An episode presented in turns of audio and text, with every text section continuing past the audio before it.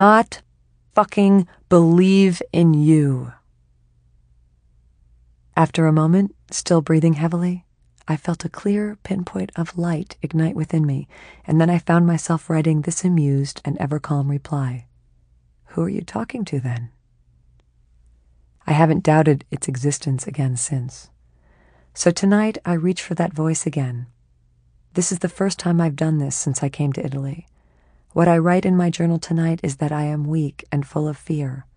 I explain that depression and loneliness have shown up, and I'm scared they will never leave. I say that I don't want to take the drugs anymore, but I'm frightened I will have to. I'm terrified that I will never really pull my life together. In response, somewhere from within me, rises a now familiar presence, offering me all the certainties I have always wished another person would say to me when I was troubled. This is what I find myself writing to myself on the page. I'm here. I love you.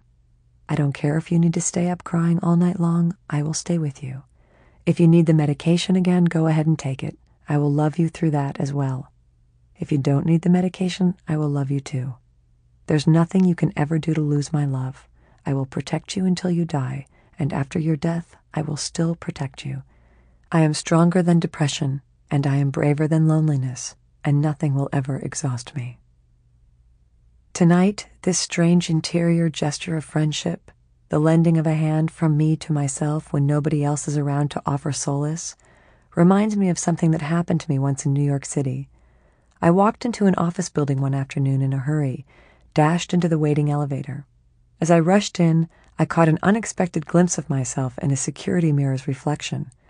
In that moment, my brain did an odd thing. It fired off this split second response Hey, you know her. That's a friend of yours. And I actually ran toward my own reflection with a smile, ready to welcome that girl whose name I had lost but whose face was so familiar. In a flash instant, of course, I realized my mistake and laughed in embarrassment at my almost dog like confusion over how a mirror works. But for some reason, that incident comes to mind again tonight during my sadness in Rome, and I find myself writing this comforting reminder at the bottom of the page.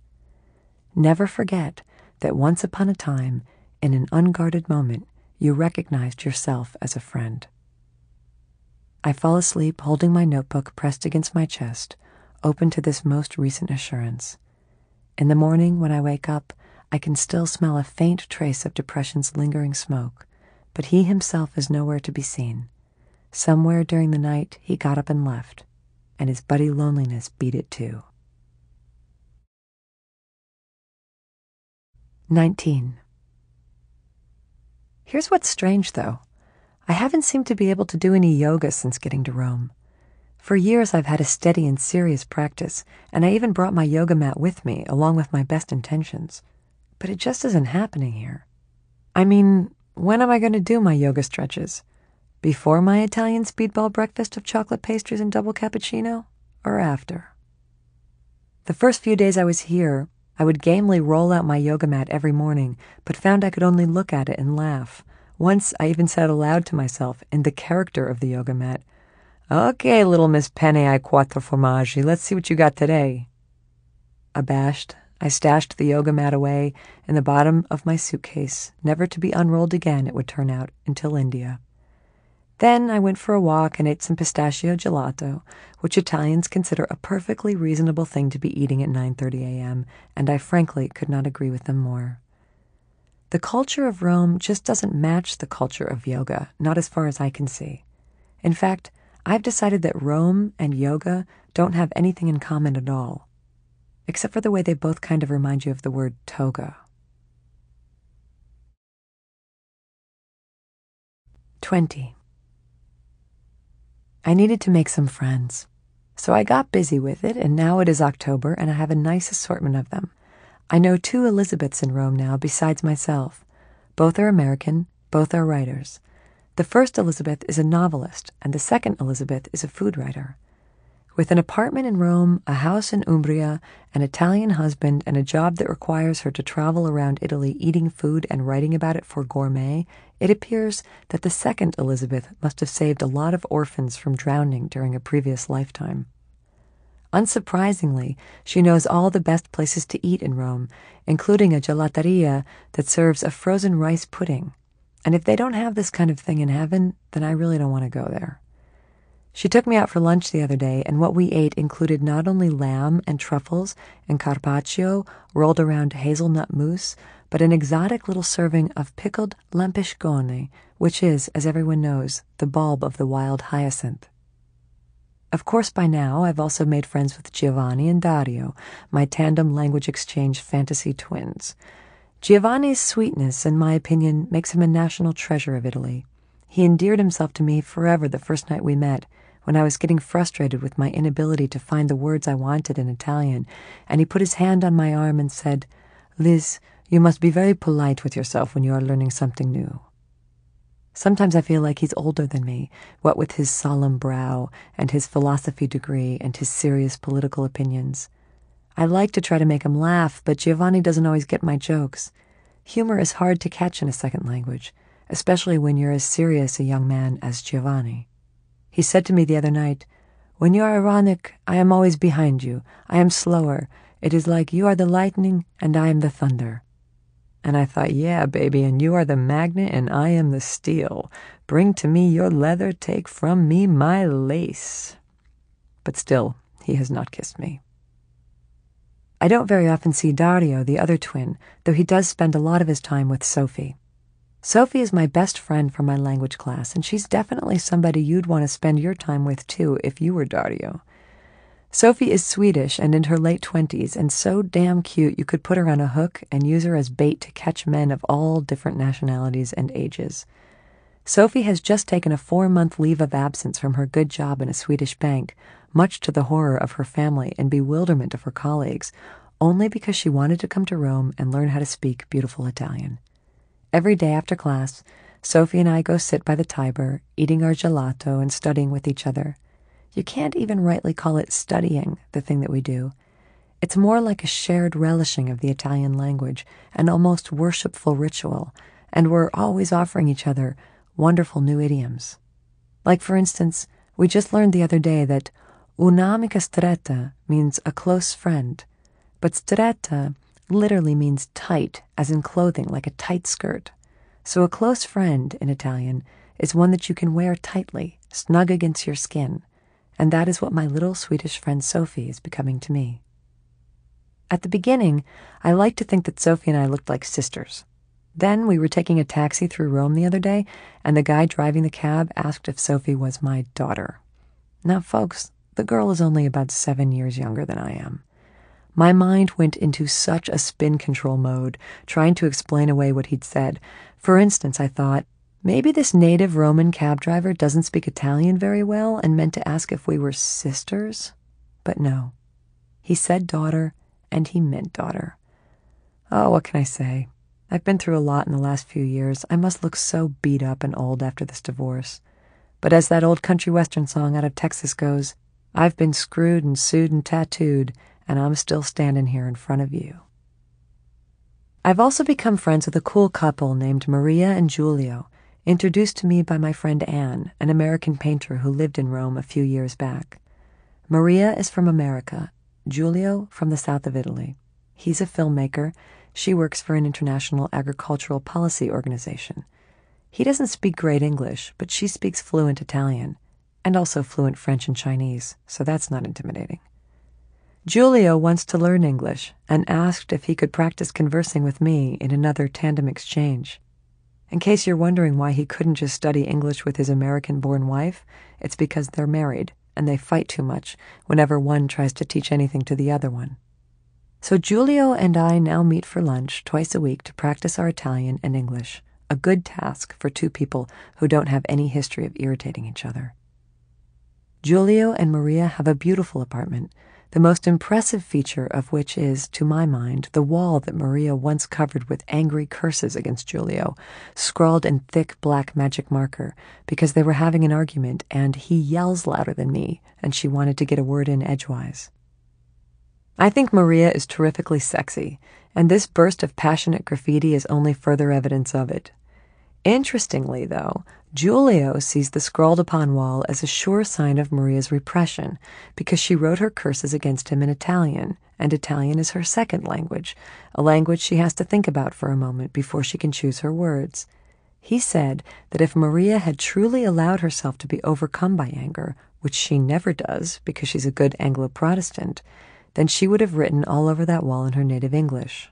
He says all Americans are like this, repressed which makes them dangerous and potentially deadly when they do blow up. A savage people, he diagnoses.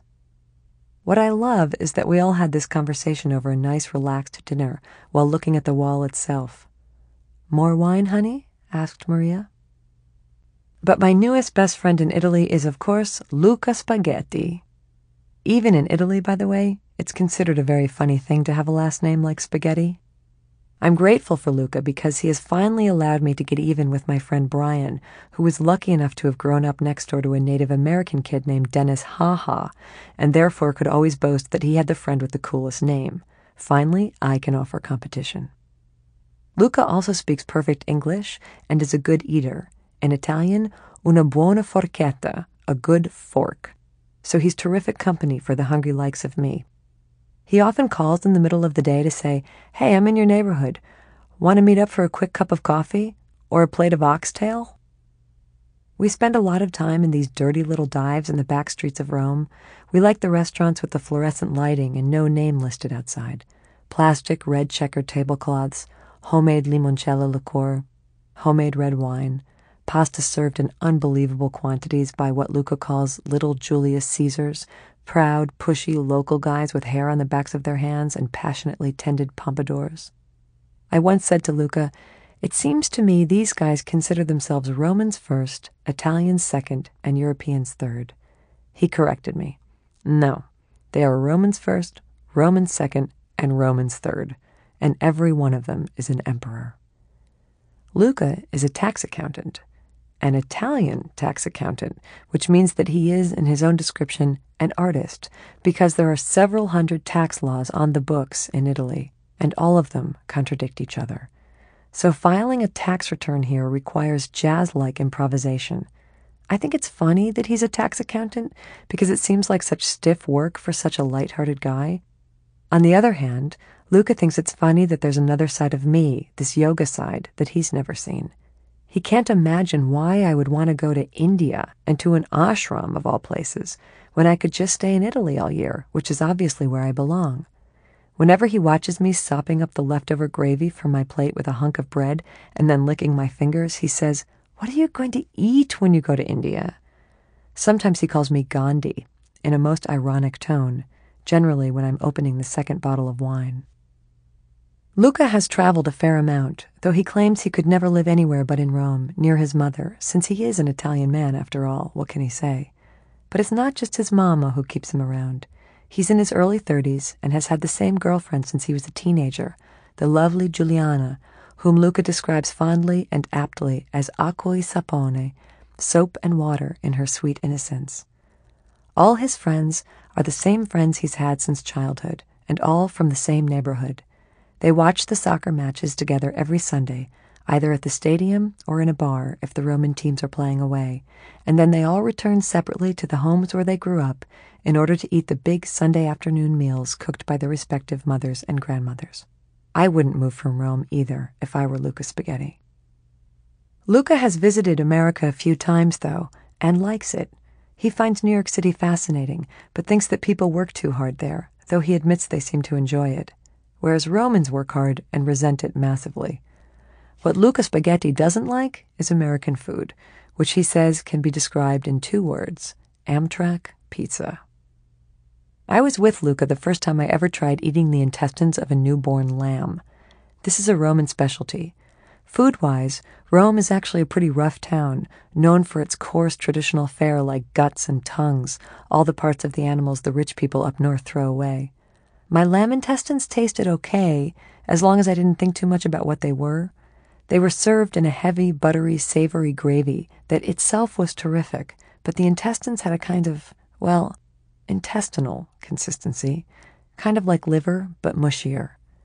I did well with them until I started trying to think how I would describe this dish, and I thought, it doesn't look like intestines. It actually looks like tapeworms. Then I pushed it aside and asked for a salad. You don't like it? asked Luca, who loves the stuff. I bet Gandhi never ate lamb intestines in his life, I said. He could have. No, he couldn't have, Luca. Gandhi was a vegetarian.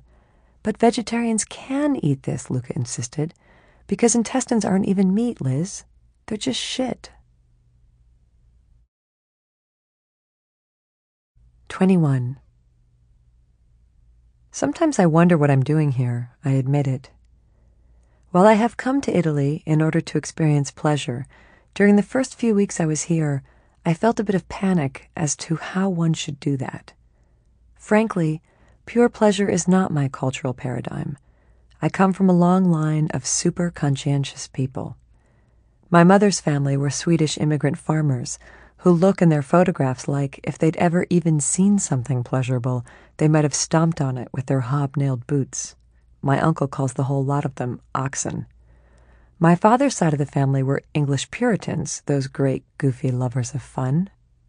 If I look on my dad's family tree all the way back to the 17th century, I can actually find Puritan relatives with names like Diligence and Meekness. My own parents have a small farm, and my sister and I grew up working. We were taught to be dependable, responsible, the top of our classes at school, the most organized and efficient babysitters in town, the very miniature models of our hard-working farmer nurse of a mother, a pair of junior Swiss Army knives born to multitask. We had a lot of enjoyment in my family, a lot of laughter, but the walls were papered with to-do lists, and I never experienced or witnessed idleness, not once in my whole entire life. Generally speaking, though, Americans have an inability to relax and to share pleasure.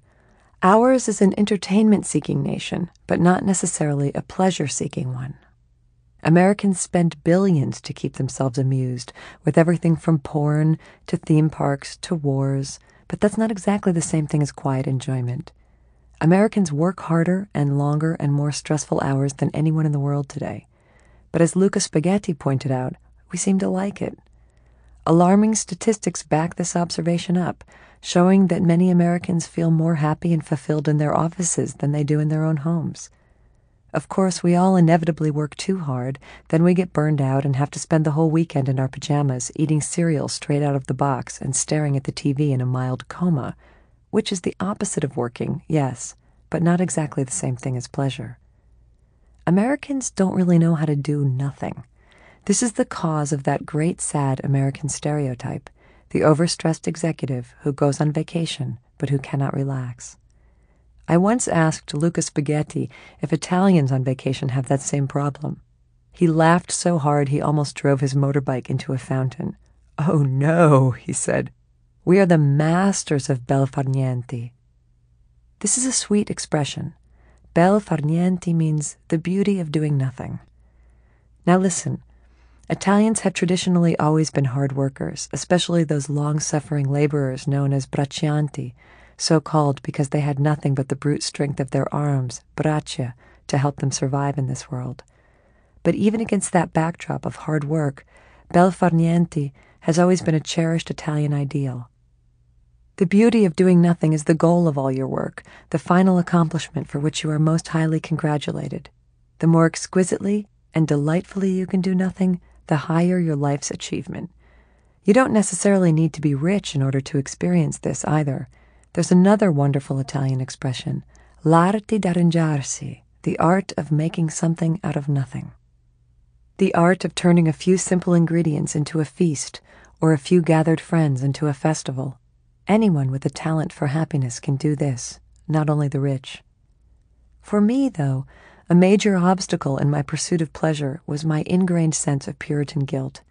Do I really deserve this pleasure? This is very American, too the insecurity about whether we have earned our happiness. Planet advertising in America orbits completely around the need to convince the uncertain consumer that yes, you have actually warranted a special treat. This bud's for you. You deserve a break today because you're worth it. You've come a long way, baby.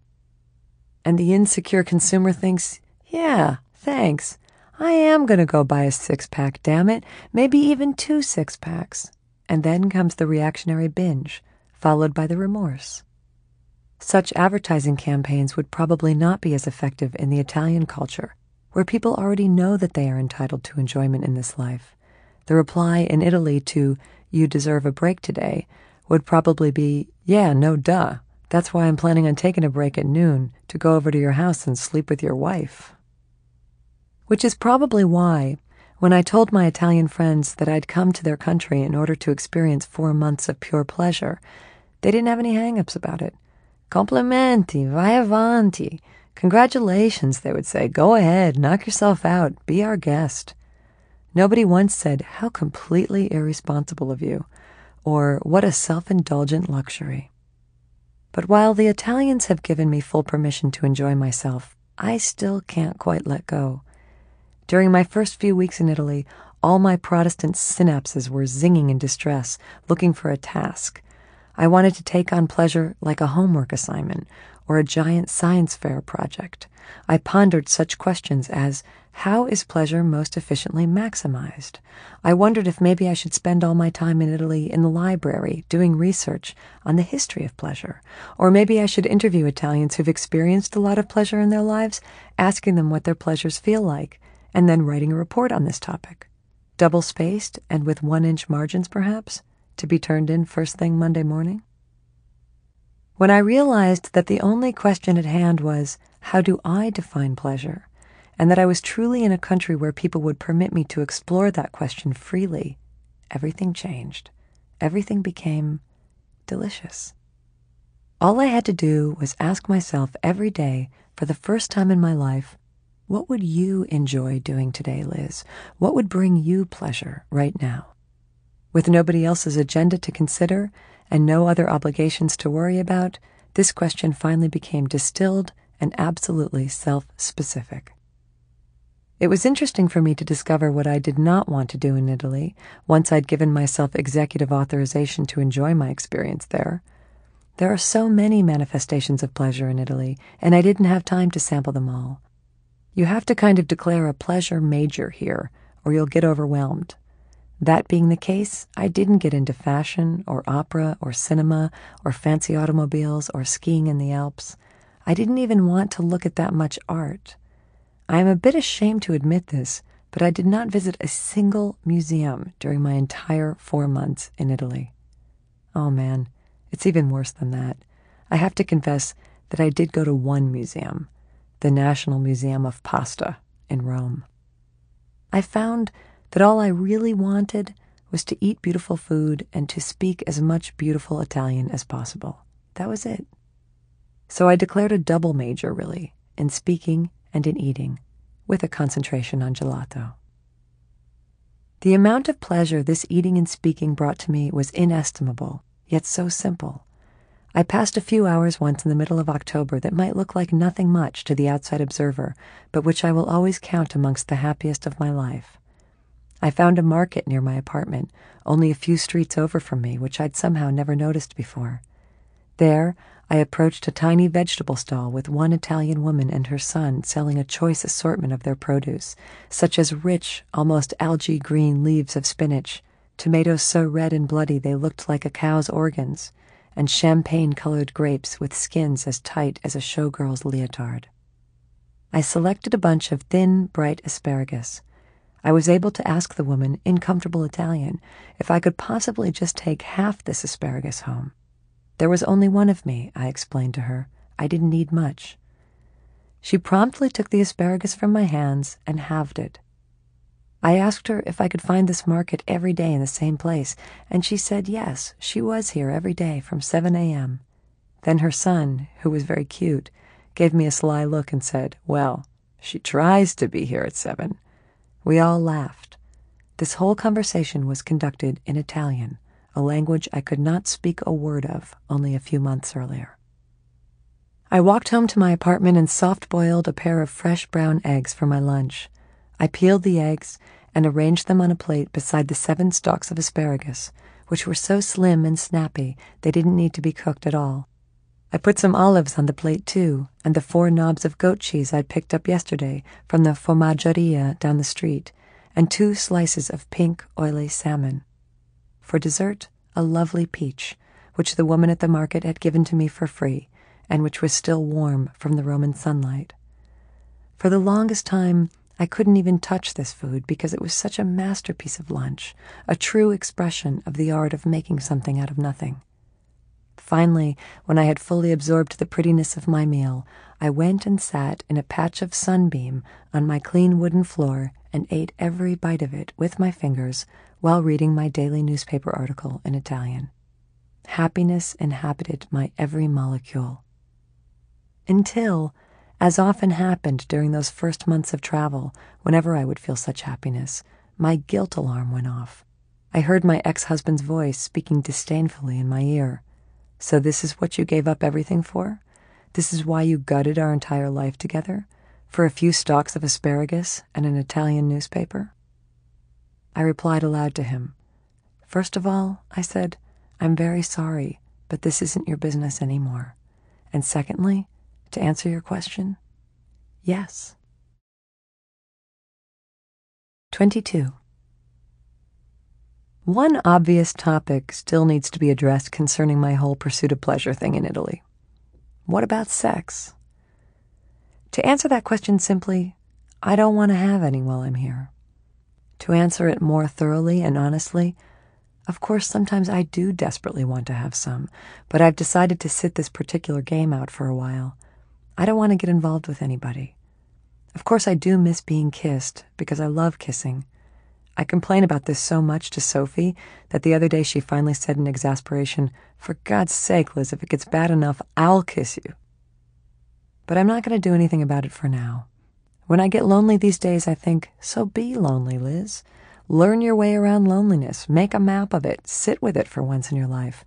Welcome to the human experience. But never again use another person's body or emotions as a scratching post for your own unfulfilled yearnings. It's a kind of emergency life saving policy more than anything else. I got started early in life with the pursuit of sexual and romantic pleasure. I barely had an adolescence before I had my first boyfriend, and I have consistently had a boy or a man, or sometimes both, in my life ever since I was 15 years old. That was, oh, let's see, about 19 years ago now? That's almost two solid decades I have been entwined in some kind of drama with some kind of guy each overlapping the next, with never so much as a week's breather in between.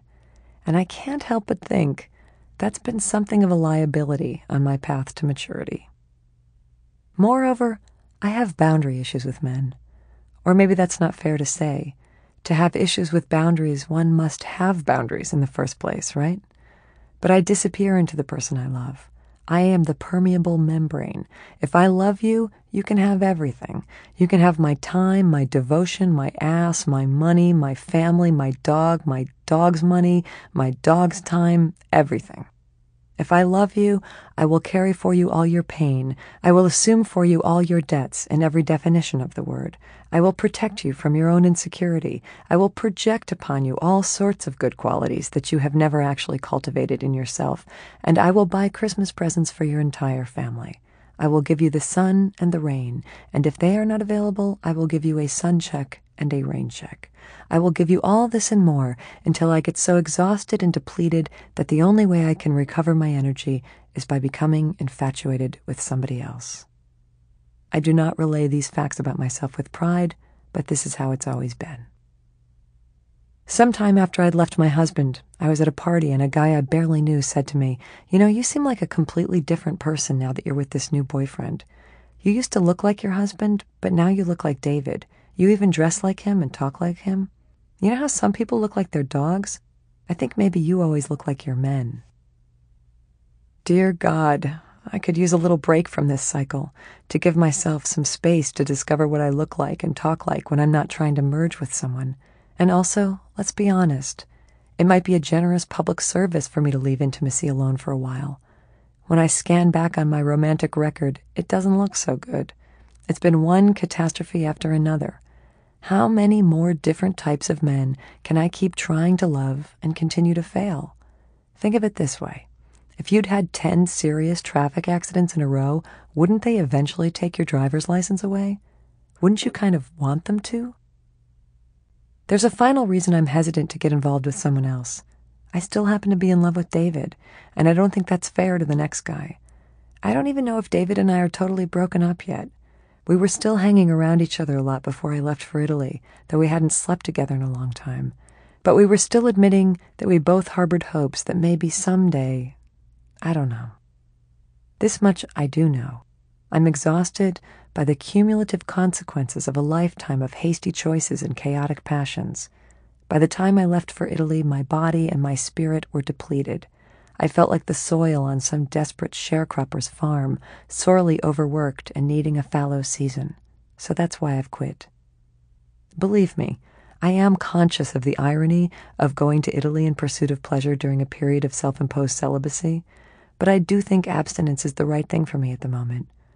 I was especially sure of it the night I could hear my upstairs neighbor, a very pretty Italian girl with an amazing collection of high heeled boots, having the longest, loudest, flesh smackingest, bed thumpingest, back breakingest session of lovemaking I'd ever heard, in the company of the latest lucky visitor to her apartment.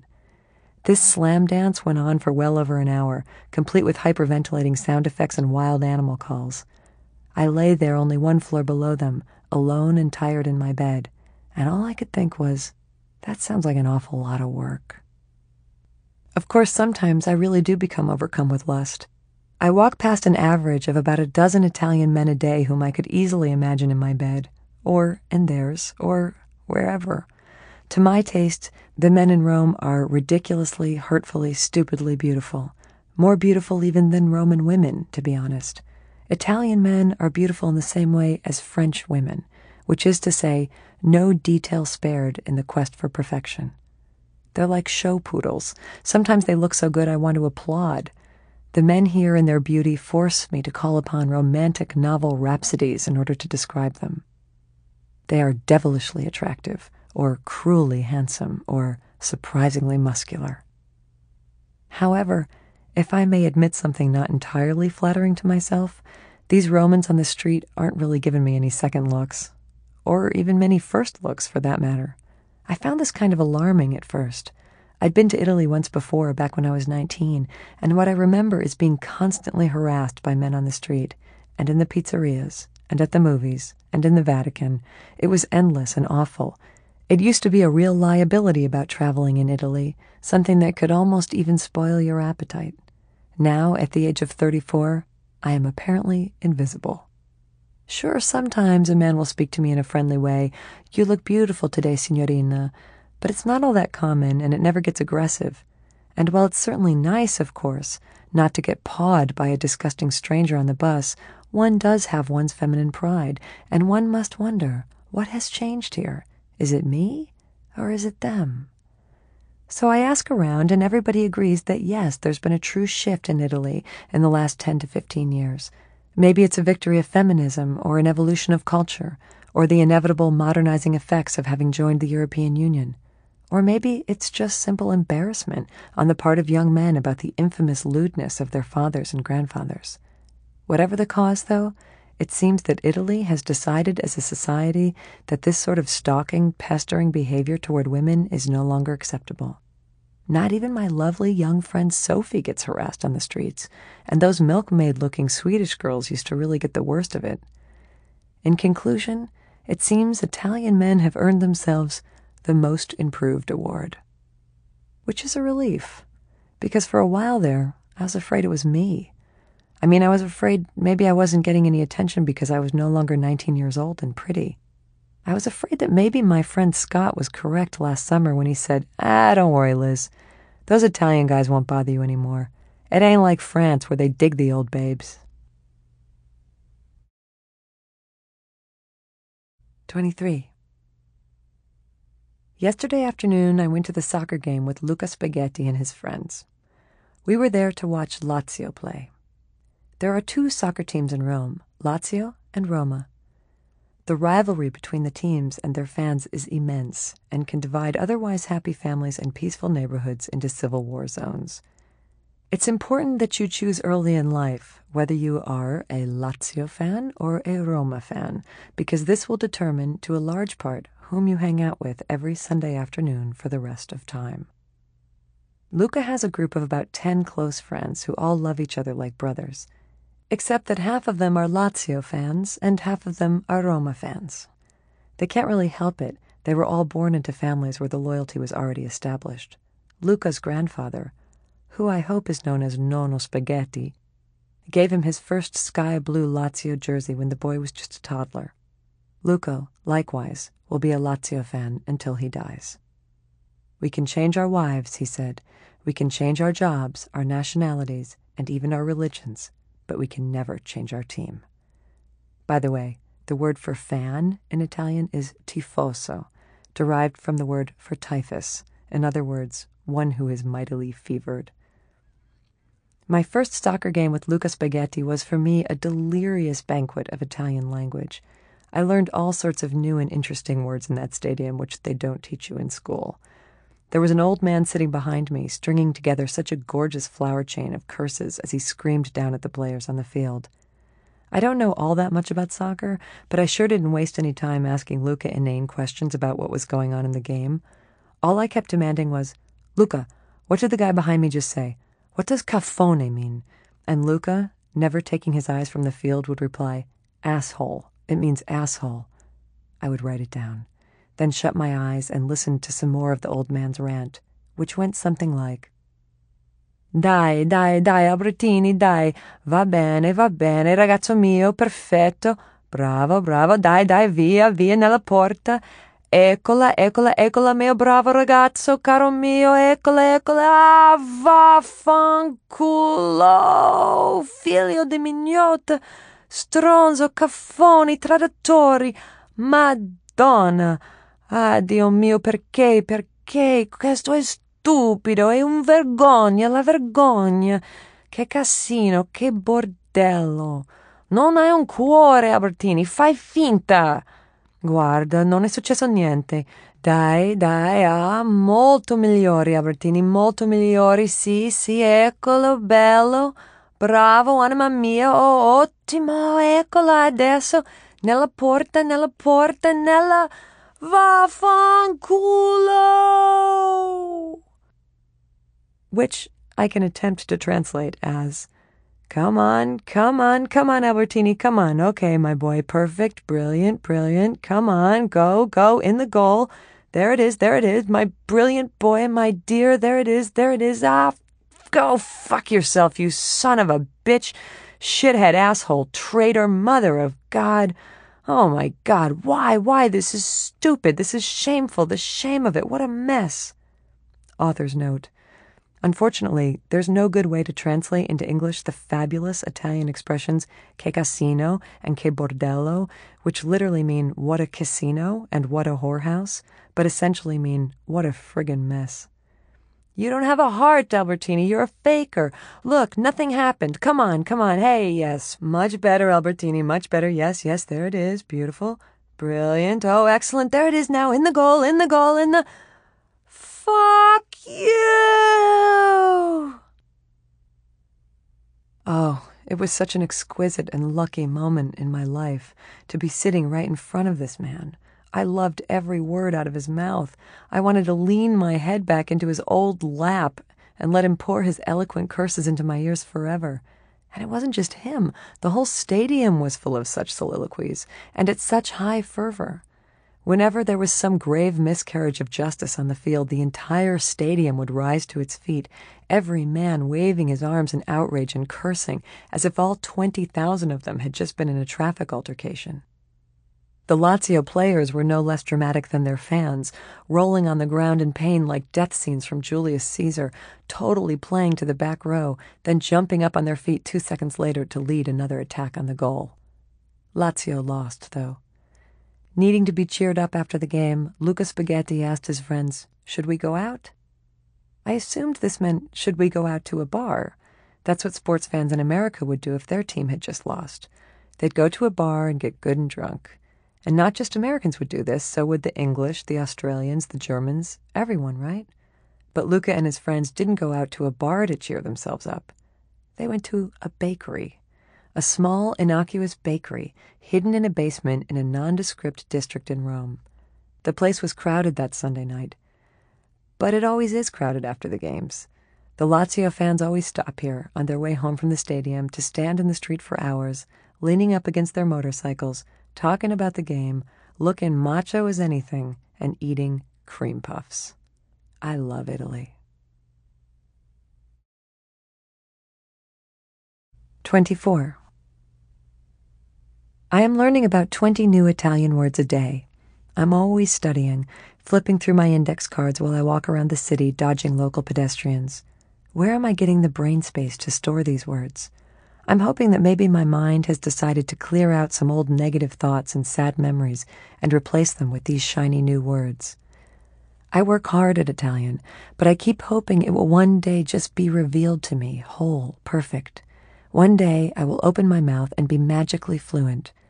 Then I will be a real Italian girl instead of a total American who still can't hear someone call across the street to his friend Marco without wanting to instinctively yell back, Polo! I wish that Italian would simply take up residence within me, but there are so many glitches in this language, like why are the Italian words for tree and hotel, albero versus albergo, so very similar?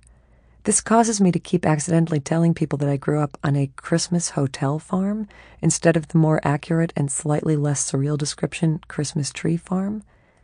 And then there are words with double or even triple meanings. For instance, tasso, which can mean either interest rate, badger, or yew tree, depending on the context, I suppose. Most upsetting to me is when I stumble on Italian words that are actually, I hate to say it, ugly. I take this as almost a personal affront. I'm sorry, but I didn't come all the way to Italy to learn how to say a word like schermo, screen. Still, overall, it's so worthwhile. It's mostly a pure pleasure. Giovanni and I have such a good time teaching each other idioms in English and Italian. We were talking the other evening about the phrases one uses when trying to comfort someone who is in distress. I told him that in English we sometimes say, I've been there. This was unclear to him at first. I've been where? But I explained that deep grief sometimes is almost like a specific location, a coordinate on a map of time. When you are standing in that forest of sorrow, you cannot imagine that you could ever find your way to a better place. But if someone can assure you that they themselves have stood in that same place and now have moved on, sometimes this will bring hope. So sadness is a place? Giovanni asked. Sometimes people live there for years, I said. In return, Giovanni told me that empathizing Italians say l'ho provato sulla mia pelle, which means I have experienced that on my own skin, meaning I have also been burned or scarred in this way, and I know exactly what you're going through. So far, though, my favorite thing to say in all of Italian is a simple, common word attraversiamo. It means let's cross over. Friends say it to each other constantly when they're walking down the sidewalk and have decided it's time to switch to the other side of the street. Which is to say, this is literally a pedestrian word. Nothing special about it.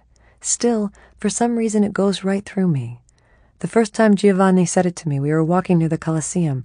I suddenly heard him speak that beautiful word, and I stopped dead, demanding, What does that mean? What did you just say? Attraversiamo. He couldn't understand why I liked it so much. Let's cross the street?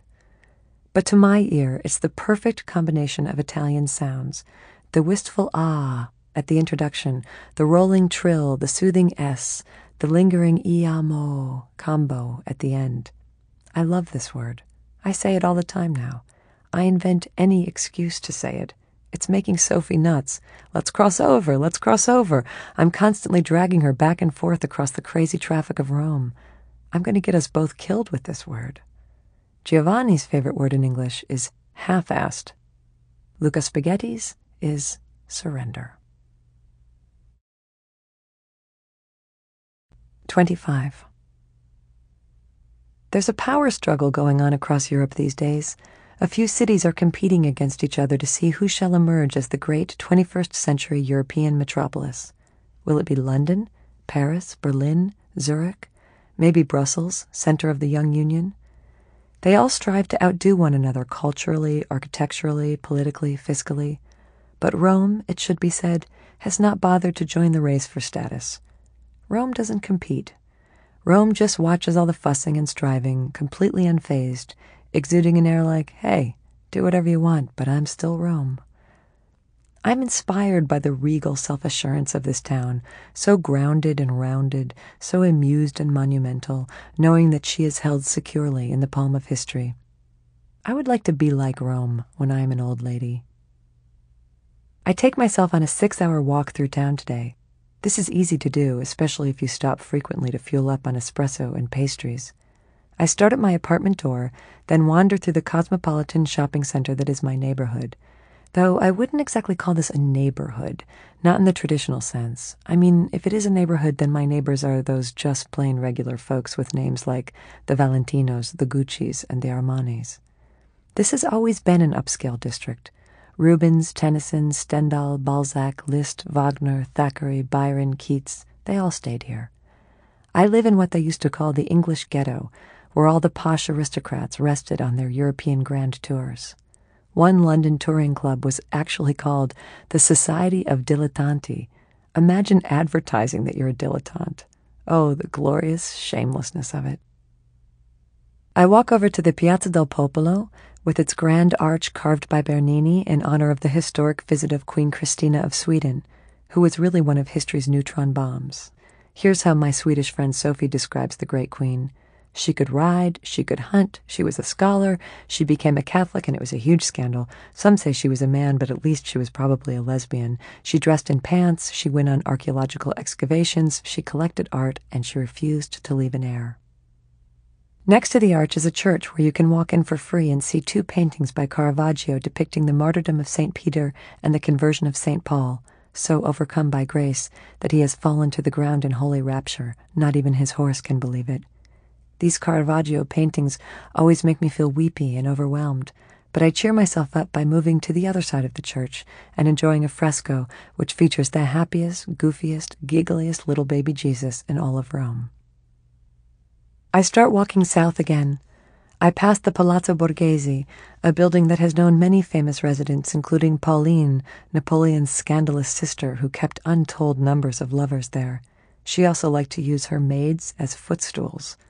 One always hopes that one has read this sentence wrong in one's companion guide to Rome, but no, it is accurate. Pauline also liked to be carried to her bath, we are told, by a giant Negro. Then I stroll along the banks of the great, swampy, rural looking Tiber, all the way down to the Tiber Island, which is one of my favorite quiet places in Rome. This island has always been associated with healing. A temple of Aesculapius was built there after a plague in 291 BC. In the Middle Ages, a hospital was constructed there by a group of monks called the Fate Benefratelli, which can groovily be translated as the Do Good Brothers. And there is a hospital on the island even to this day. I cross over the river to Trastevere, the neighborhood that claims to be inhabited by the truest Romans, the workers, the guys who have, over the centuries, built all the monuments on the other side of the Tiber. I eat my lunch in a quiet trattoria there, and I linger over my food and wine for many hours because nobody in Trastevere is ever going to stop you from lingering over your meal if that's what you would like to do.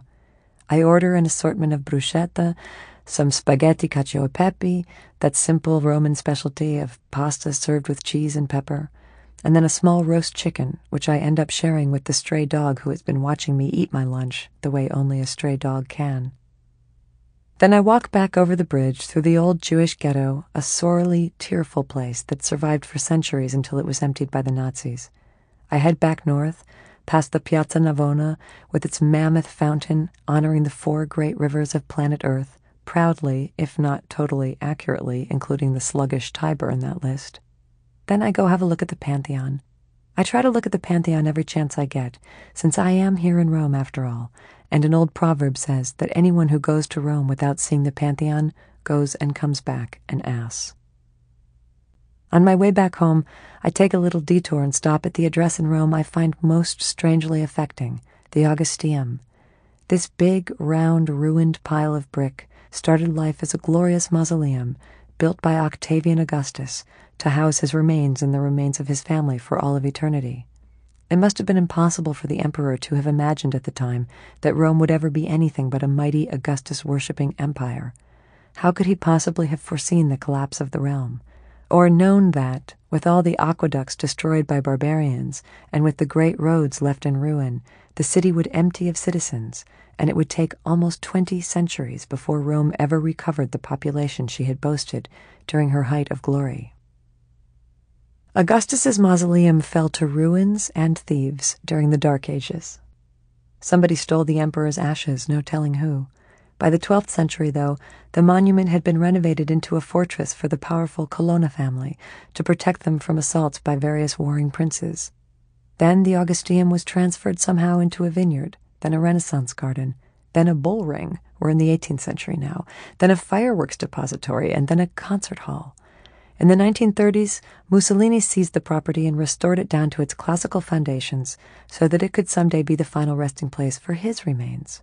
Again, it must have been impossible back then to imagine that Rome could ever be anything but a Mussolini worshipping empire. Of course, Mussolini's fascist dream did not last, nor did he get the imperial burial he'd anticipated.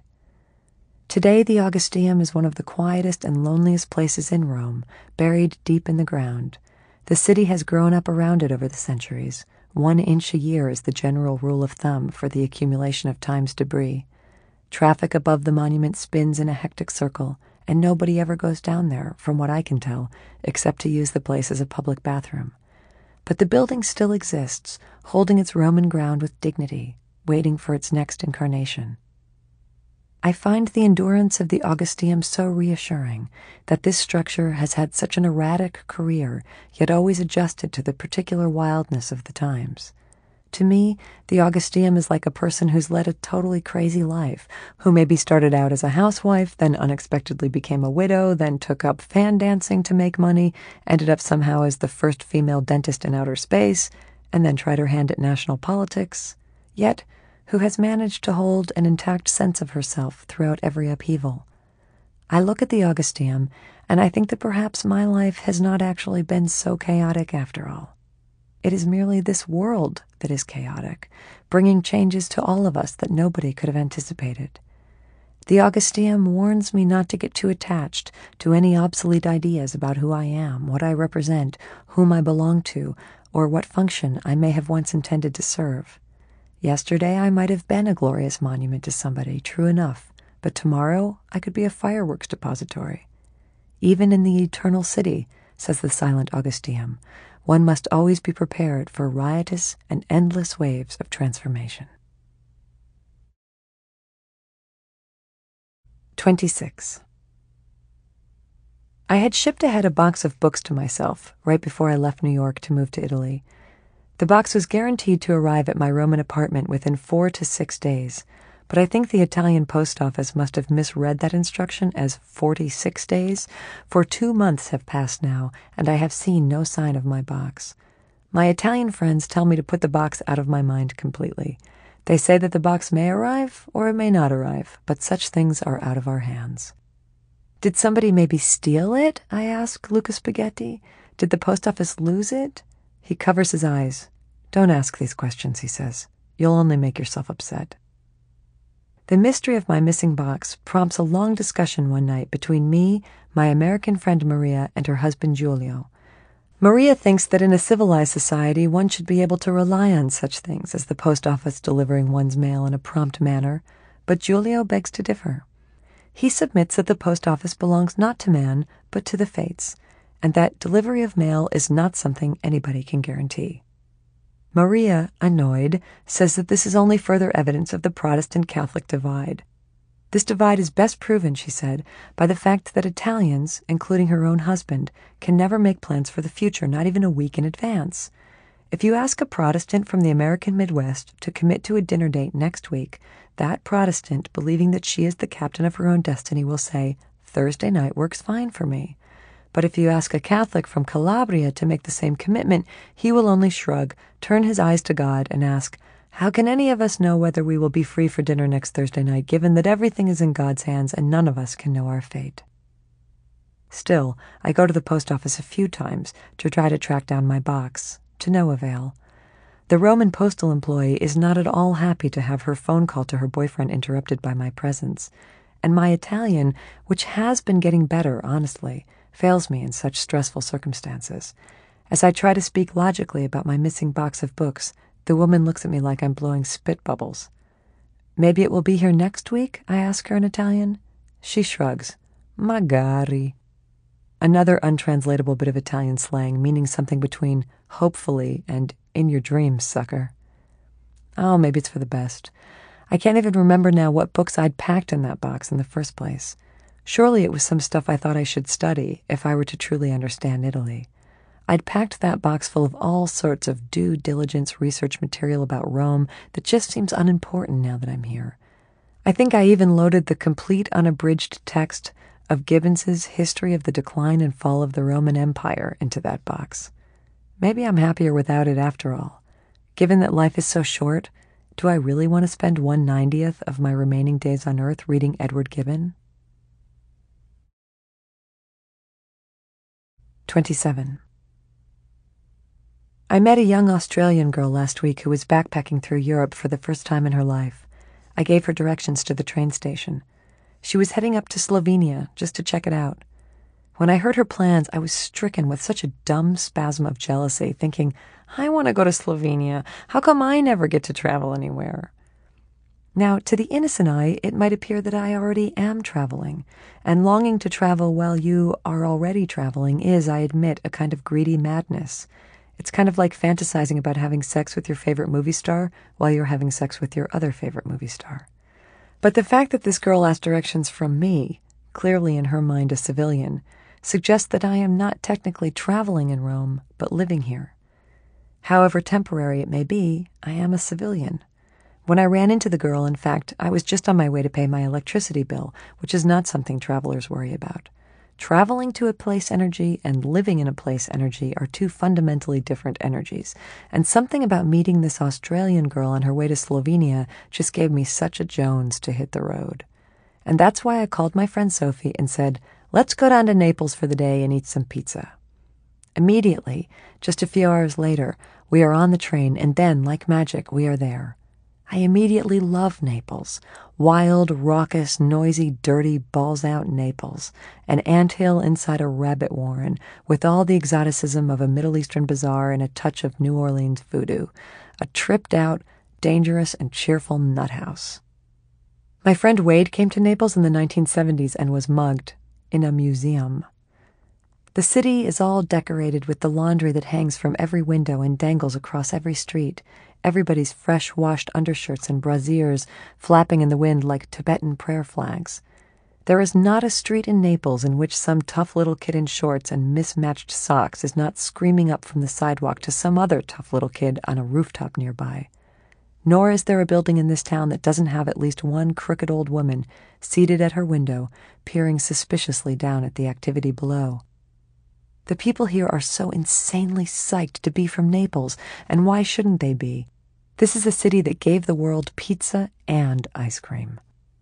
The Neapolitan women in particular are such a gang of tough voiced, loud mouthed, generous, nosy dames, all bossy and annoyed and right up in your face and just trying to friggin' help you for Christ's sake, you dope. Why they gotta do everything around here? The accent in Naples is like a friendly cuff on the ear. It's like walking through a city of short order cooks, everybody hollering at the same time. They still have their own dialect here, an ever changing liquid dictionary of local slang, but somehow I find that the Neapolitans are the easiest people for me to understand in Italy. Why? Because they want you to understand, damn it. They talk loud and emphatically, and if you can't understand what they're actually saying out of their mouths, you can usually pick up the inference from the gesture like that punk little grammar school girl on the back of her older cousin's motorbike who flipped me the finger and a charming smile as she drove by just to make me understand hey, no hard feelings, lady, but I'm only seven and I can already tell you're a complete moron. But that's cool. I think you're halfway okay despite yourself, and I kind of like your dumbass face. We both know you would love to be me, but sorry, you can't. Anyhow, here's my middle finger. Enjoy your stay in Naples and ciao. As in every public space in Italy, there are always boys, teenagers, and grown men playing soccer, but here in Naples, there's something extra too. For instance, today I found kids, I mean a group of eight year old boys, who had gathered up some old chicken crates to make makeshift chairs and a table, and they were playing poker in the piazza with such intensity I feared one of them might get shot. Giovanni and Dario, my tandem exchange twins, are originally from Naples. I cannot picture it. I cannot imagine shy, studious, sympathetic Giovanni as a young boy amongst this, and I don't use the word lightly, mob. But he is Neapolitan, no question about it, because before I left Rome, he gave me the name of a pizzeria in Naples that I had to try because, Giovanni informed me, it sold the best pizza in Naples. I found this a wildly exciting prospect, given that the best pizza in Italy is from Naples and the best pizza in the world is from Italy, which means that this pizzeria must offer, I'm almost too superstitious to say it, the best pizza in the world? Giovanni passed along the name of the place with such seriousness and intensity, I almost felt I was being inducted into a secret society.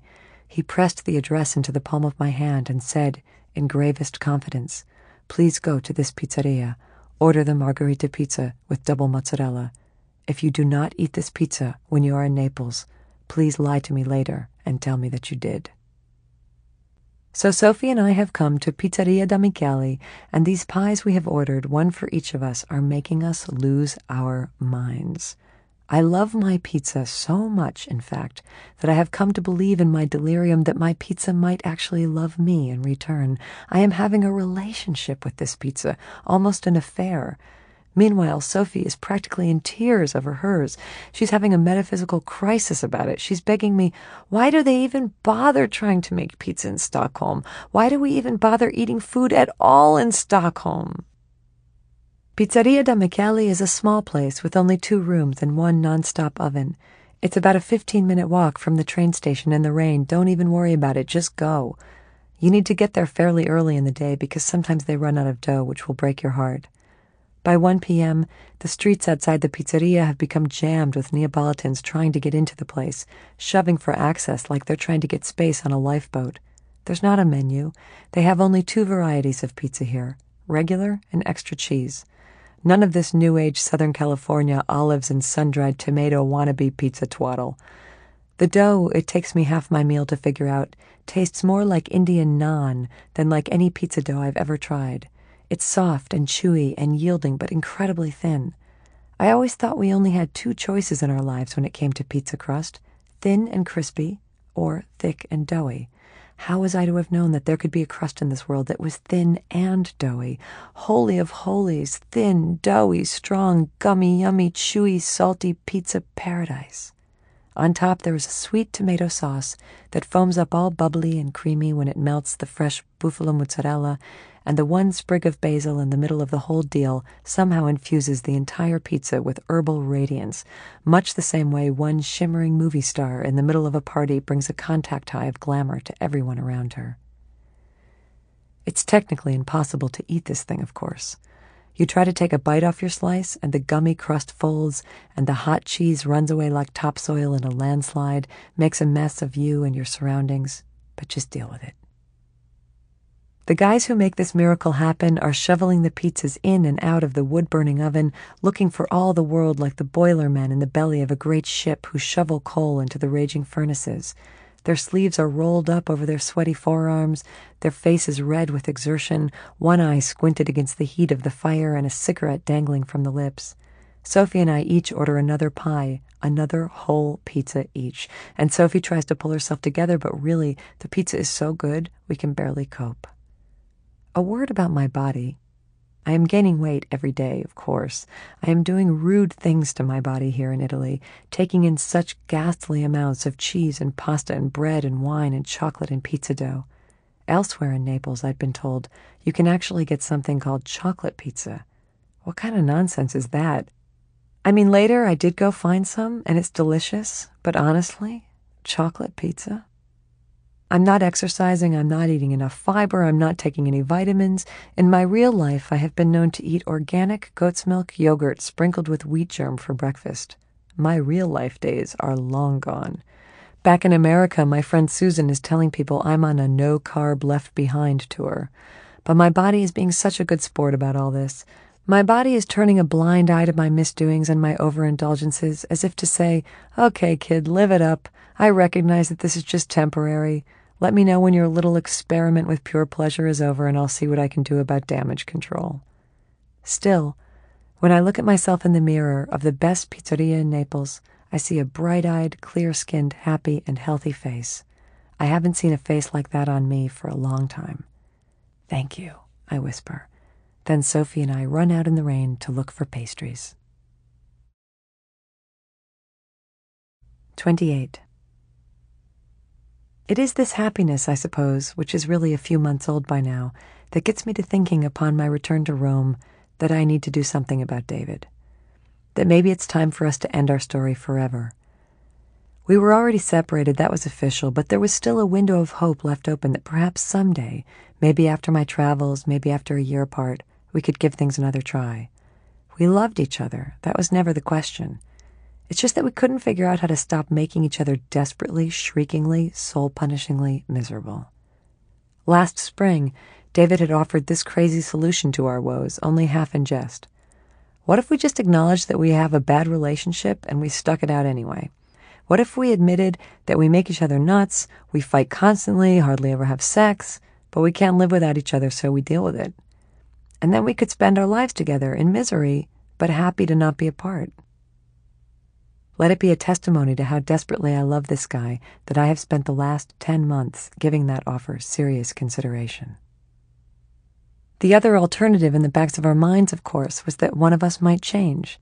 He might become more open and affectionate, not withholding himself from anyone who loves him on the fear that she will eat his soul. Or I might learn how to stop trying to eat his soul. So many times I had wished with David that I could behave more like my mother does in her marriage independent, strong, self sufficient, a self feeder, able to exist without regular doses of romance or flattery from my solitary farmer of a father, able to cheerfully plant gardens of daisies among the inexplicable stone walls of silence that my dad sometimes built up around himself. My dad is quite simply my favorite person in the world, but he is a bit of an odd case. An ex boyfriend of mine once described him this way Your father has only one foot on this earth and really, really long legs. What I grew up watching in my household was a mother who would receive her husband's love and affection whenever he thought to offer it, but would then step aside and take care of herself whenever he drifted off into his own peculiar universe of low grade, oblivious neglect. This is how it looked to me, anyway, taking into account that nobody, and especially not the children, ever knows the secrets of a marriage. What I believed I grew up seeing was a mother who asked nothing of anybody. This was my mom, after all, a woman who had taught herself how to swim as an adolescent alone in a cold Minnesota lake with a book she'd borrowed from the local library entitled How to Swim. To my eye, there was nothing this woman could not do on her own. But then I'd had a revelatory conversation with my mother not long before I'd left for Rome. She'd come to New York to have one last lunch with me, and she'd asked me frankly, breaking all the rules of communication in our family's history, what had happened between me and David. Further disregarding the Gilbert family standard communications rulebook, I actually told her. I told her everything I told her how much I loved David, but how lonely and heartsick it made me to be with this person who was always disappearing from the room, from the bed, from the planet. He sounds kind of like your father, she said. A brave and generous admission. The problem is, I said, I'm not like my mother. I'm not as tough as you, Mom. There's a constant level of closeness that I really need from the person I love. I wish I could be more like you, then I could have this love story with David. But it just destroys me not to be able to count on that affection when I need it. Then my mother shocked me. She said, All those things that you want from your relationship, Liz, I have always wanted those things too.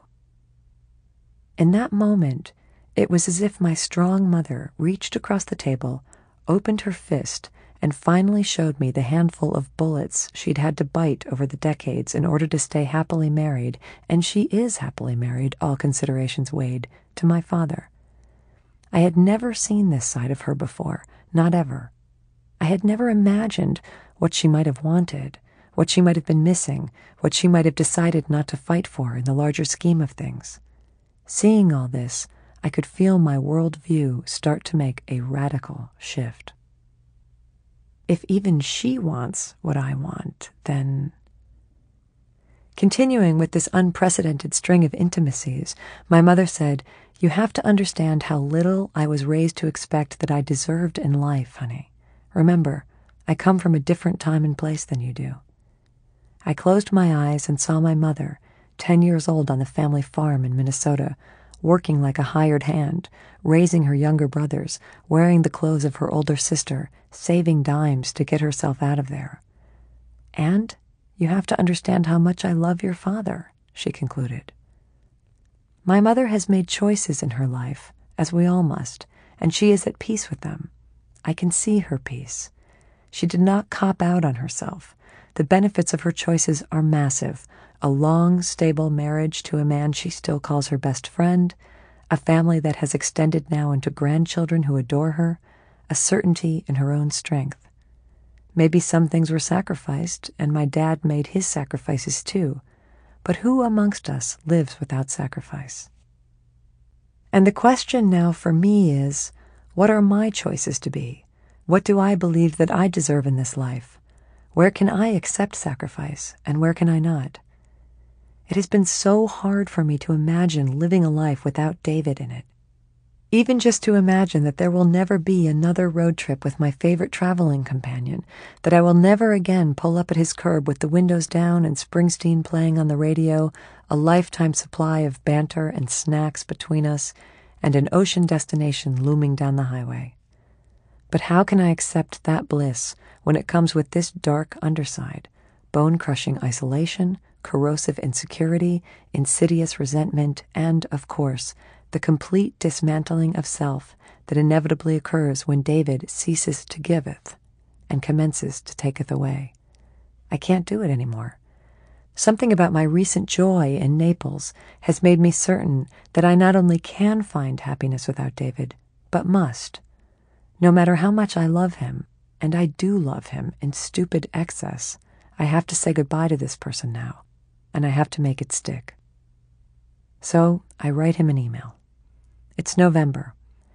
We haven't had any communication since July.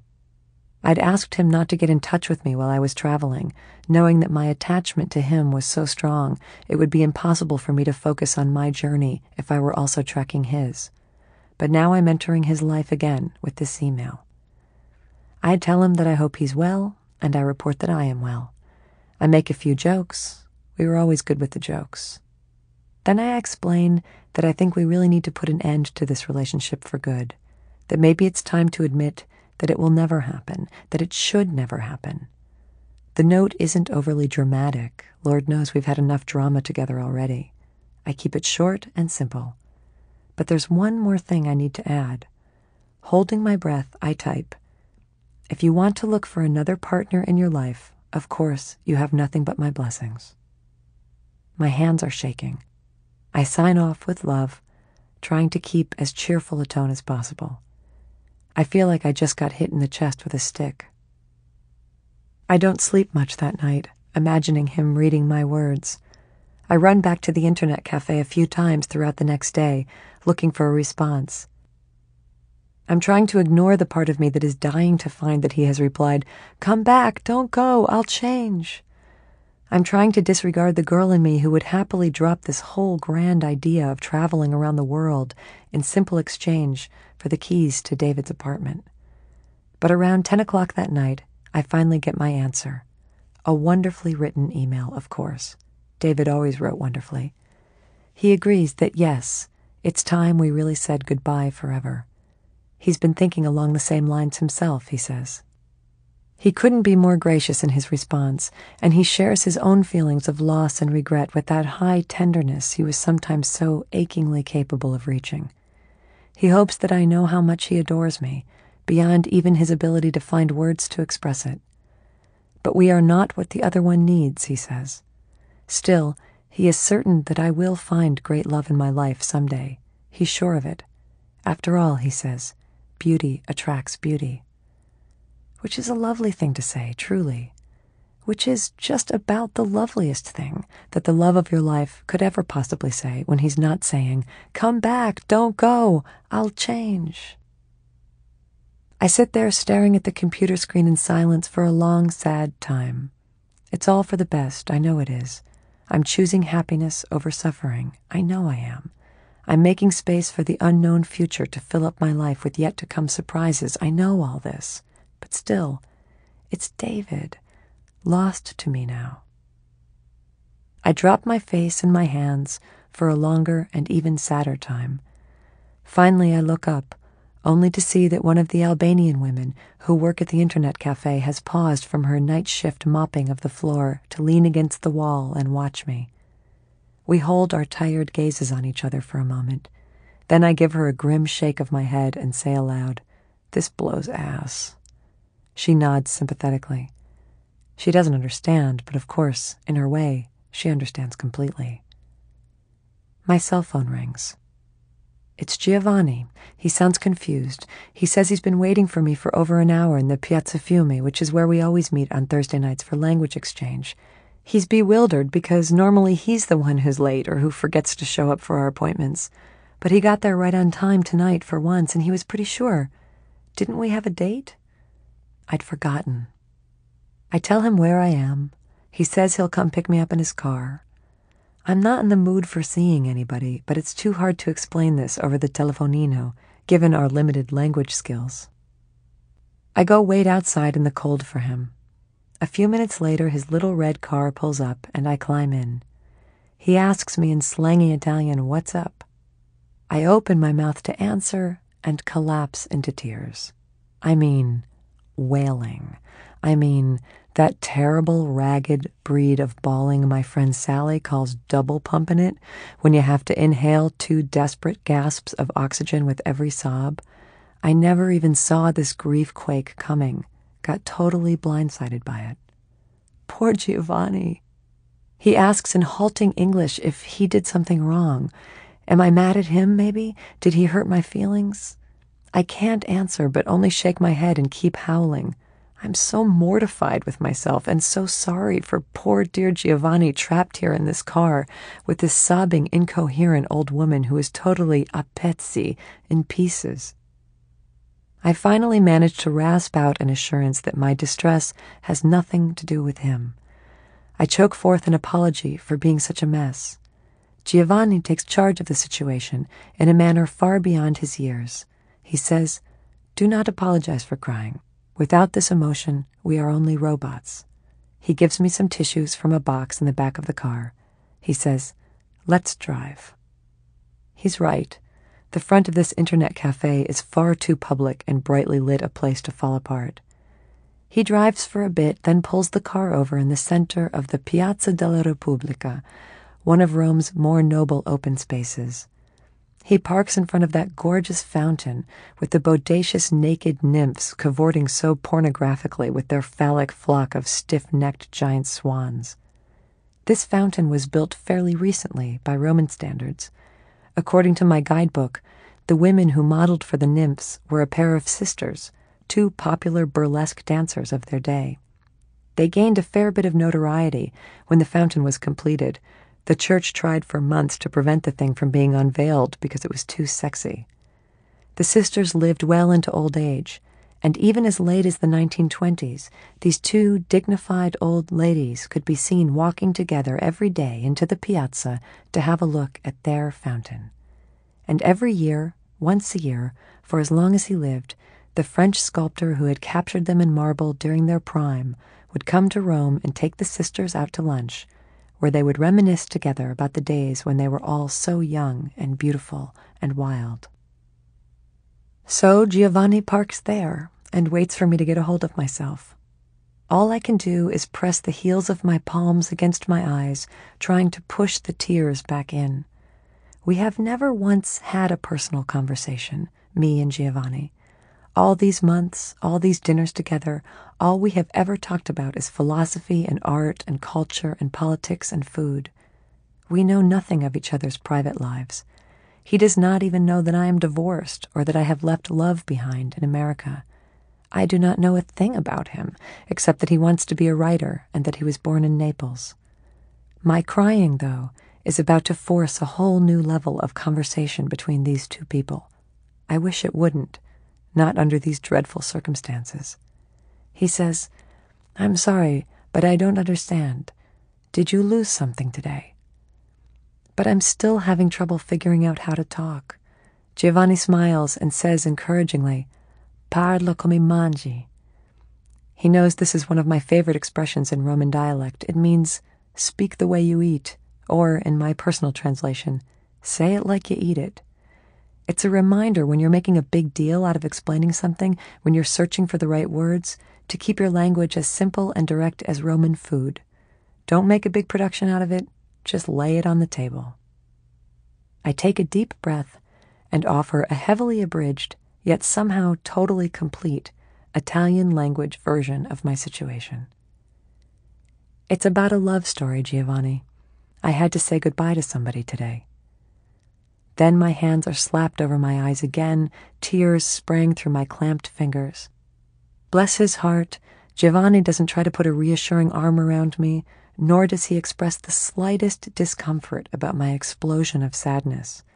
Instead, he just sits through my tears in silence until I've calmed down, at which point he speaks with perfect empathy, choosing each word with care. As his English teacher, I was so proud of him that night, saying slowly and clearly and kindly, I understand, Liz.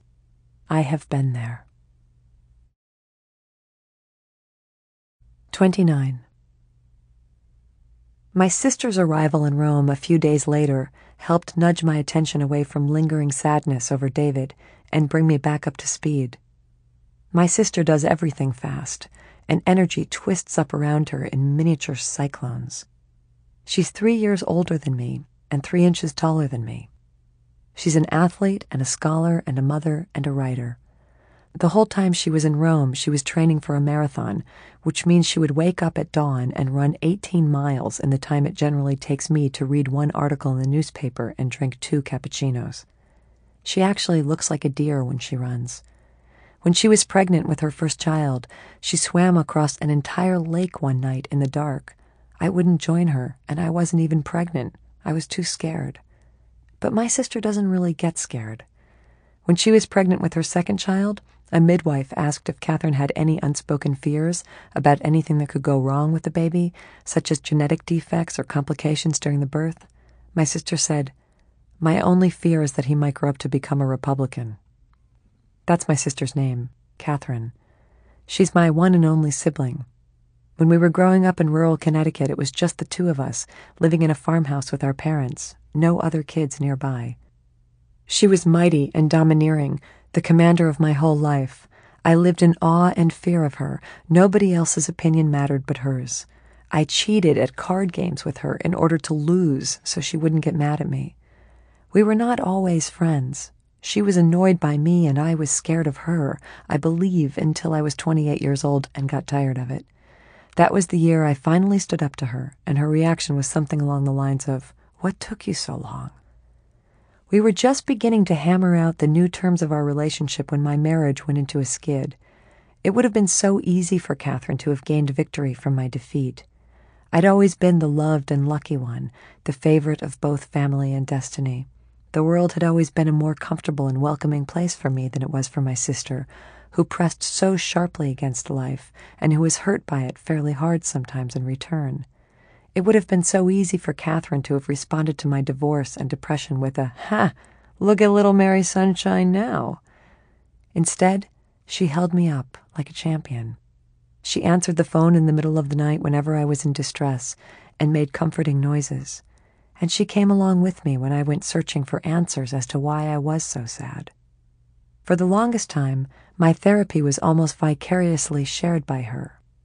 I'd call her after every session with a debriefing of everything I'd realized in my therapist's office, and she'd put down whatever she was doing and say, Ah, that explains a lot.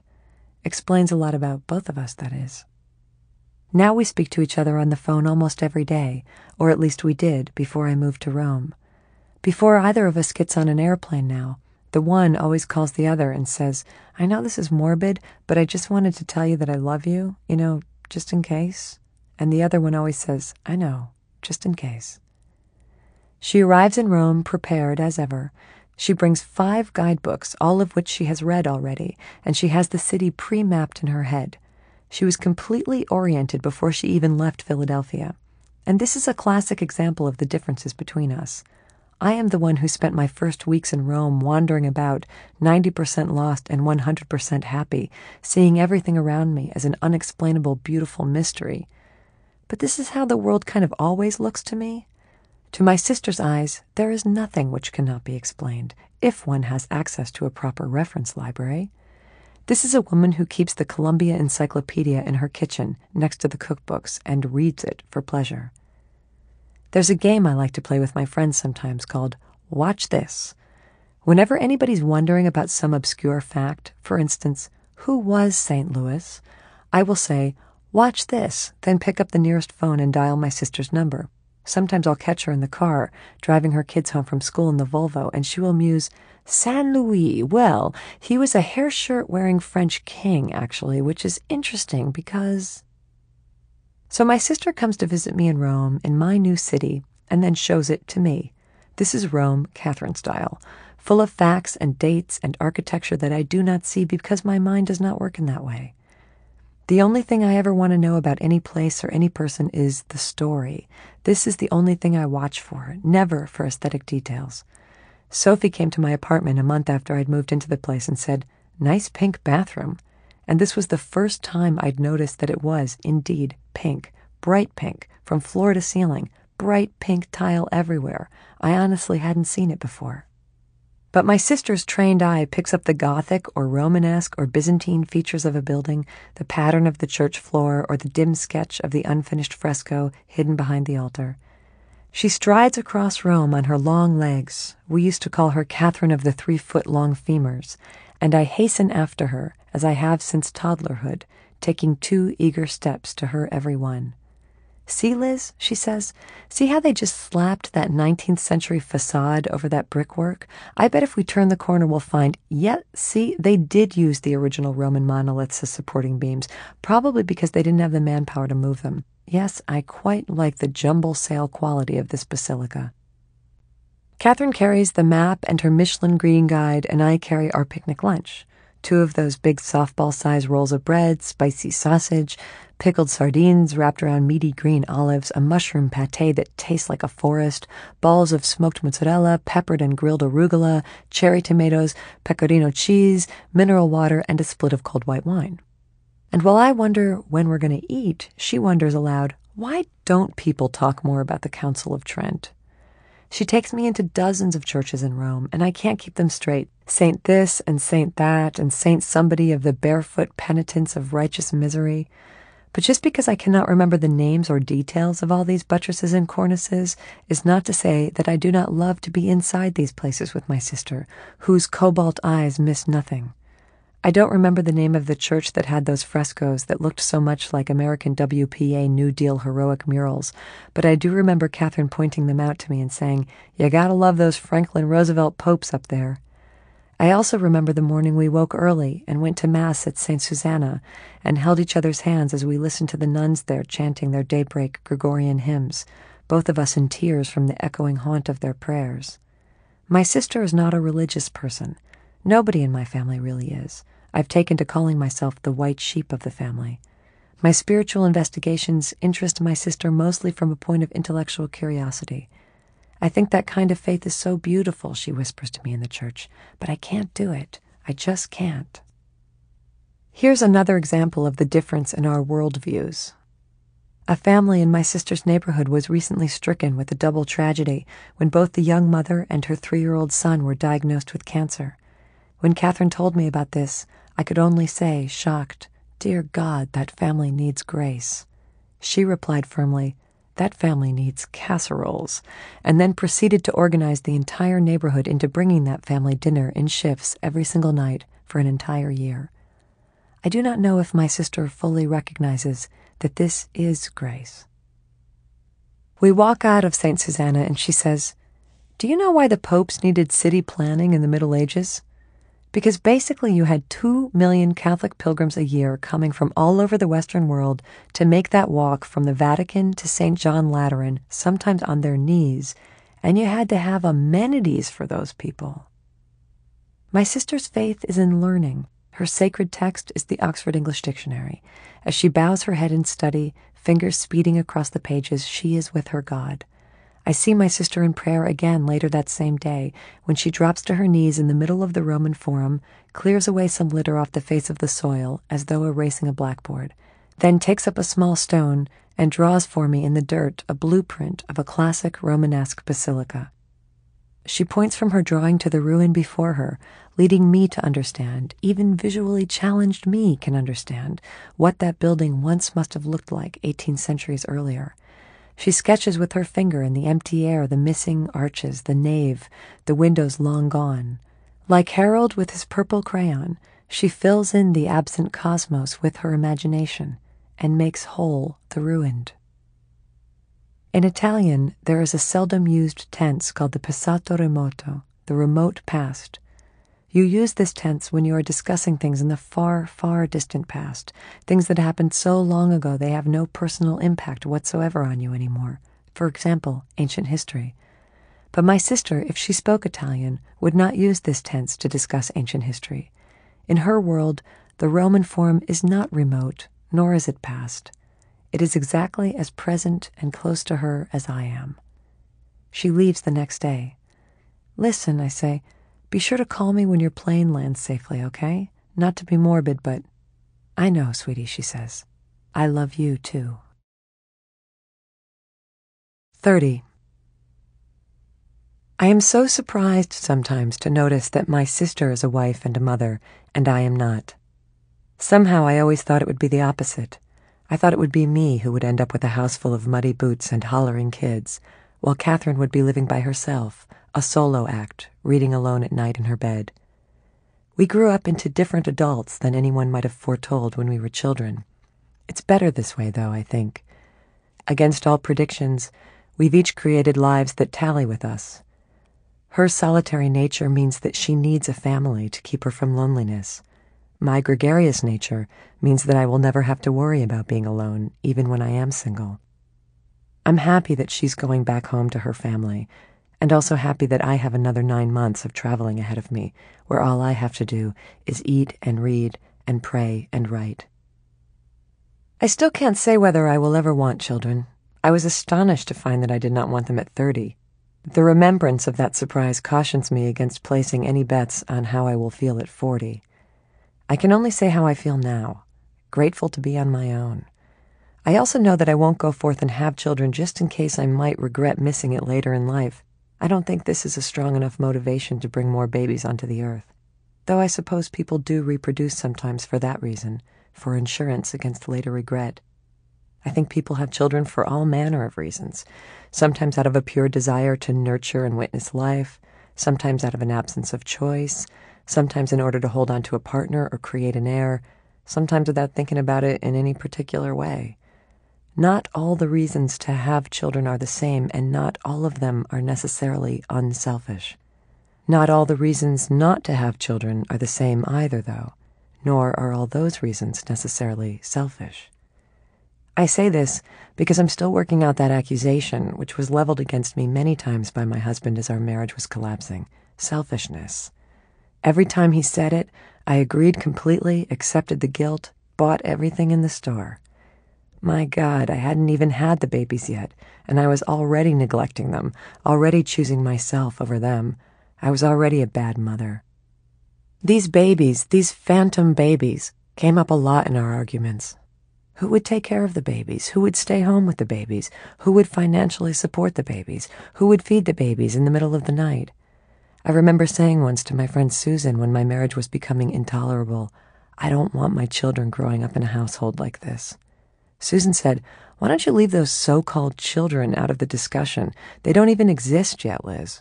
Why don't you just admit that you don't want to live in unhappiness anymore? That neither of you does. And it's better to realize it now, by the way, than in the delivery room when you're at five centimeters. I remember going to a party in New York around that time. A couple, a pair of successful artists, had just had a baby, and the mother was celebrating a gallery opening of her new paintings. I remember watching this woman, the new mother, my friend, the artist, as she tried to be hostess to this party, which was in her loft, at the same time as taking care of her infant and trying to discuss her work professionally. I never saw somebody look so sleep deprived in my life.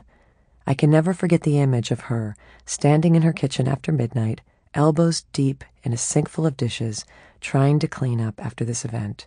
Her husband, I am sorry to report it, and I fully realize this is not at all representational of every husband, was in the other room, feet literally on the coffee table, watching TV. She finally asked him if he would help clean the kitchen, and he said, I'll leave it, hon. We'll clean it up in the morning. The baby started crying again. My friend was leaking breast milk through her cocktail dress. Almost certainly, other people who attended this party came away with different images than I did. Any number of the other guests could have felt great envy for this beautiful woman with her healthy new baby, for her successful artistic career, for her marriage to a nice man, for her lovely apartment, for her cocktail dress. There were people at this party who would probably have traded lives with her in an instant, given the chance. This woman herself probably looks back on that evening, if she ever thinks of it at all, as one tiring but totally worth it night in her overall satisfying life of motherhood and marriage and career. All I can say for myself, though, is that I spent that whole party trembling in panic, thinking, if you don't recognize that this is your future, Liz, then you are out of your mind. Do not let it happen. But did I have a responsibility to have a family? Oh Lord, responsibility. That word worked on me until I worked on it, until I looked at it carefully and broke it down into the two words that make its true definition the ability to respond. And what I ultimately had to respond to was the reality that every speck of my being was telling me to get out of my marriage.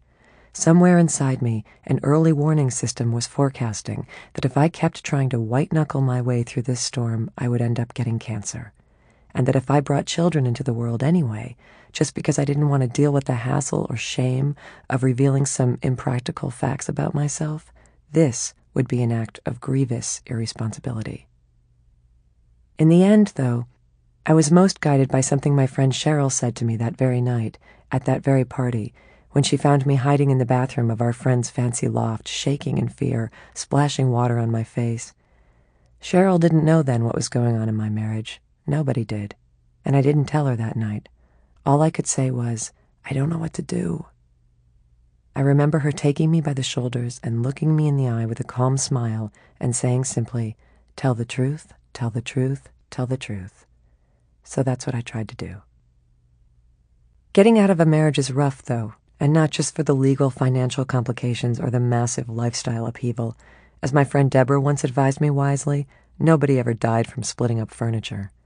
It's the emotional recoil that kills you, the shock of stepping off the track of a conventional lifestyle and losing all the embracing comforts that keep so many people on that track forever.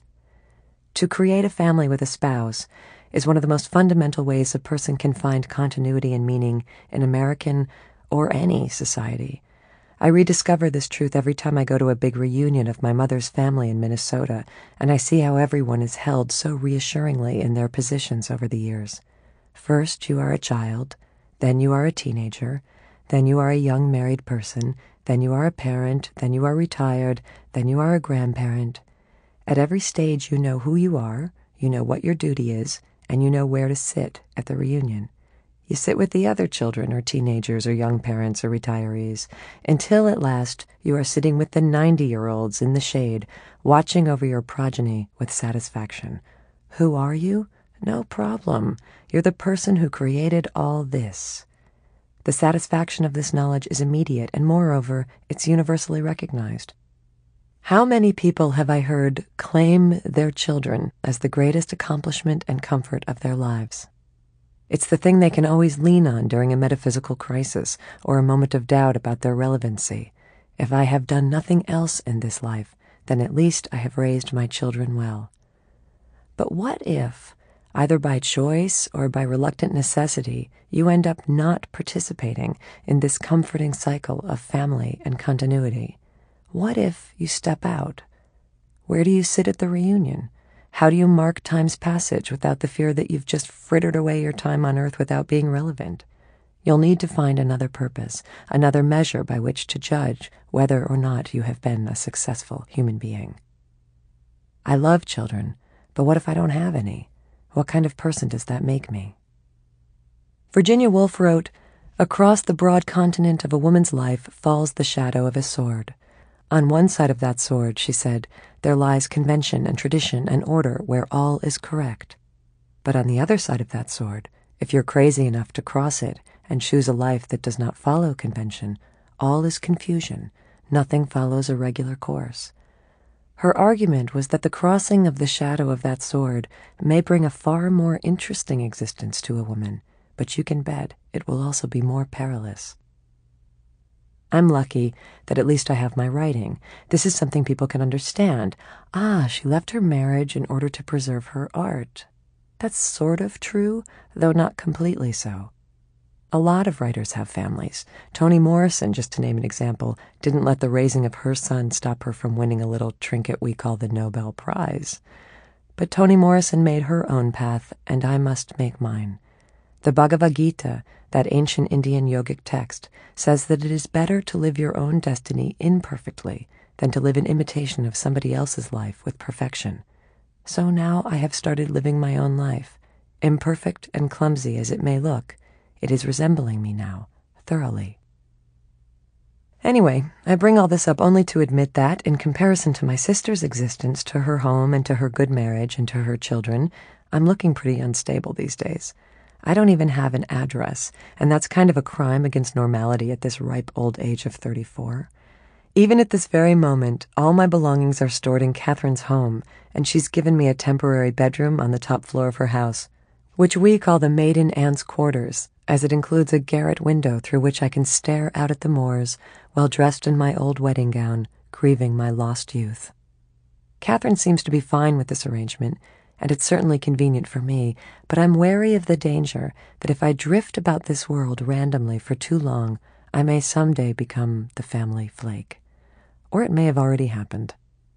Last summer, my five year old niece had a little friend over to my sister's house to play. I asked the child when her birthday was. She told me it was January 25th. Uh oh, I said. You're an Aquarius. I've dated enough Aquarians to know that they are trouble. Both the five year olds looked at me with bewilderment and a little bit of fearful uncertainty, and I had a sudden horrifying image of the woman I might become if I'm not careful. Crazy Aunt Liz, the divorcee in the muumuu with the dyed orange hair, who doesn't eat dairy but smokes menthols, who's always just coming back from her astrology cruise or breaking up with her aromatherapist boyfriend, who reads the tarot cards of kindergarteners, and who says things like, Bring Annie Liz another wine cooler, baby, and I'll let you wear my mood ring. Eventually, I may have to become a more solid citizen again. I'm aware of this. But not yet. Please. Not just yet. 31. Over the next six weeks, I traveled to Bologna, to Florence, to Venice, to Sicily, to Sardinia, and once more down to Naples, and then over to Calabria. These are short trips, mostly a week here, a weekend there, just the right amount of time to get the feel for a place, to look around, to ask people on the street where the good food is, and then go eat it. I drop out of my Italian language school, having come to feel that it was interfering with my efforts to learn Italian, since it was keeping me stuck in the classroom instead of wandering around Italy, where I could practice with people in person. These weeks of spontaneous travel are such a glorious twirl of time, some of the loosest days of my life, running to the train station and buying tickets left and right, finally beginning to flex my freedom for real because it has finally sunk in that I can go wherever I want I don't see my friends in Rome for a while. Giovanni tells me over the phone, Sei una trottola, you're a spinning top. One night in a town somewhere on the Mediterranean, in a hotel room by the ocean, the sound of my own laughter actually wakes me up in the middle of my deep sleep. I am startled. Who is that laughing in my bed? The realization that it is only me just makes me laugh again. I can't remember now what I was dreaming. I think maybe it had something to do with boats.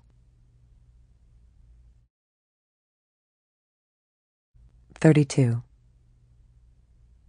Florence is just a weekend, a quick train ride up on a Friday morning to visit my Uncle Terry and Aunt Deb, who have flown in from Connecticut to visit Italy for the first time in their lives, and to see their niece, of course.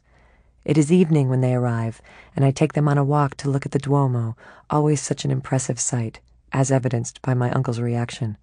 Oy vey, he says, then pauses and adds, or maybe that's the wrong word for praising a Catholic church. We watch the Sabines getting raped right there in the middle of the sculpture garden with nobody doing a damn thing to stop it, and pay our respects to Michelangelo, to the Science Museum, to the views from the hillsides around town. Then I leave my aunt and uncle to enjoy the rest of their vacation without me, and I go on alone to wealthy, ample Lucca, that little Tuscan town with its celebrated butcher shops, where the finest cuts of meat I've seen in all of Italy are displayed with a you know you want it sensuality in shops across town. Sausages of every imaginable size, color, and derivation are stuffed like ladies' legs into provocative stockings, swinging from the ceilings of the butcher shops.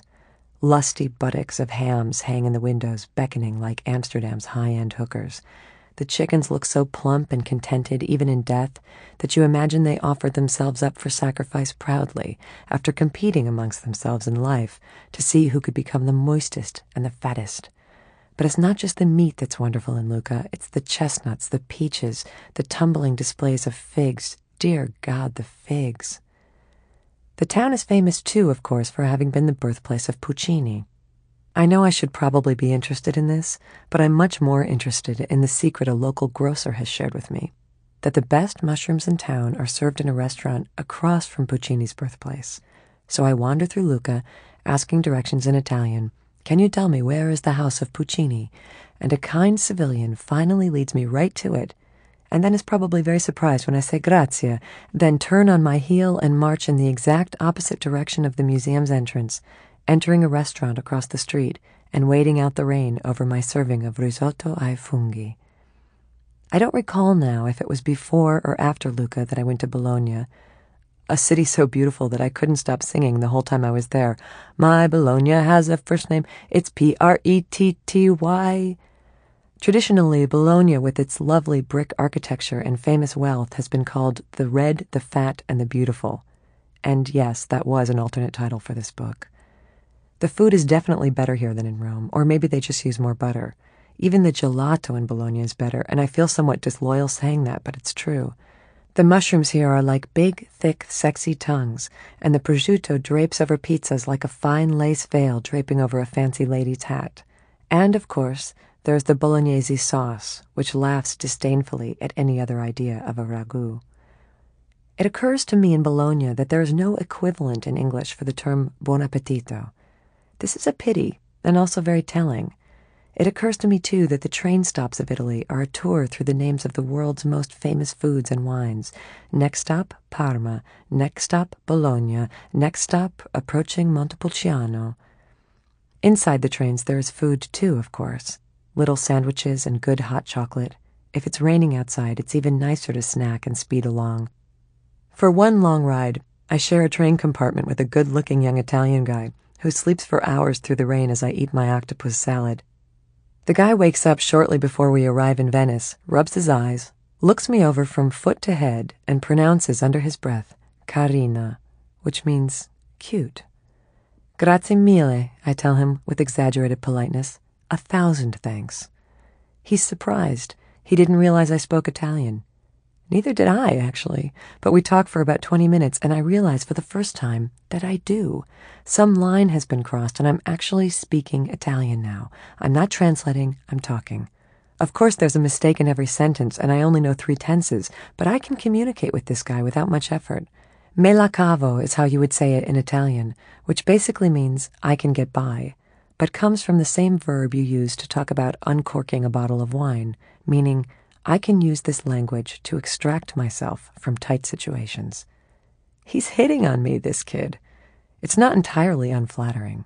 He's not entirely unattractive, though he's not remotely uncocky either. At one point, he says to me in Italian, meaning to be complimentary, of course, You're not too fat for an American woman. I reply in English, And you're not too greasy for an Italian man. Come? I repeat myself in slightly modified Italian. And you're so gracious, just like all Italian men. I can speak this language. The kid thinks I like him, but it's the words I'm flirting with. My God, I have decanted myself. I have uncorked my tongue, and Italian is pouring forth. He wants me to meet him later in Venice, but I don't have the first interest in him. I'm just lovesick over the language, so I let him slide away. Anyhow, I've already got a date in Venice. I'm meeting my friend Linda there.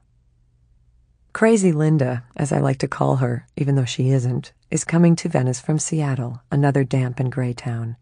She wanted to come see me in Italy, so I invited her along on this leg of my trip because I refuse, I absolutely decline to go to the most romantic city on earth by myself. No, not now, not this year.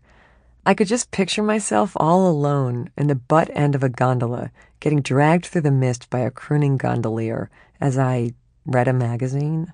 It's a sad image, rather like the idea of humping up a hill all by yourself on a bicycle built for two. So Linda will provide me with company, and good company at that.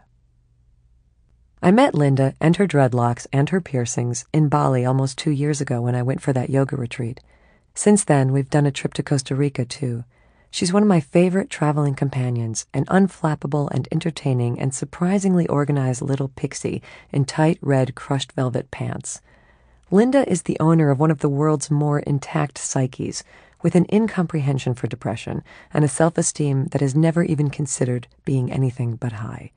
She said to me once while regarding herself in the mirror, Admittedly, I am not the one who looks fantastic in everything, but still, I cannot help loving myself.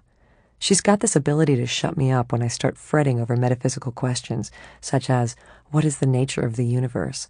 Linda's reply, My only question is, why ask? Linda would like to someday grow her dreadlocks so long she could weave them into a wire supported structure on the top of her head, like a topiary, and maybe store birds in there. The Balinese loved Linda. So did the Costa Ricans. When she's not taking care of her pet lizards and ferrets, she is managing a software development team in Seattle and making more money than any of us. So we find each other there in Venice, and Linda frowns at our map of the city, turns it upside down, locates our hotel, orients herself, and announces with characteristic humility, We are the mayors of this town's ass. Her cheer, her optimism, they in no way match this stinky, slow, sinking, mysterious, silent, weird city.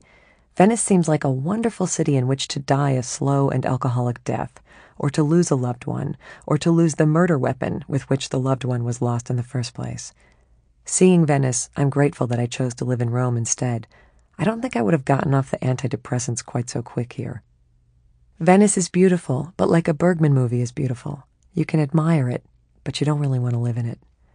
The whole town is peeling and fading like those suites of rooms that once rich families will barricade away in the backs of their mansions when it gets too expensive to keep the maintenance up, and it's easier to just nail the doors shut and forget about the dying treasures on the other side. This is Venice. Greasy streams of Adriatic backwash nudge up against the long suffering foundations of these buildings, testing the endurance of this 14th century science fair experiment. Hey, what if we built a city that sits in water all the time?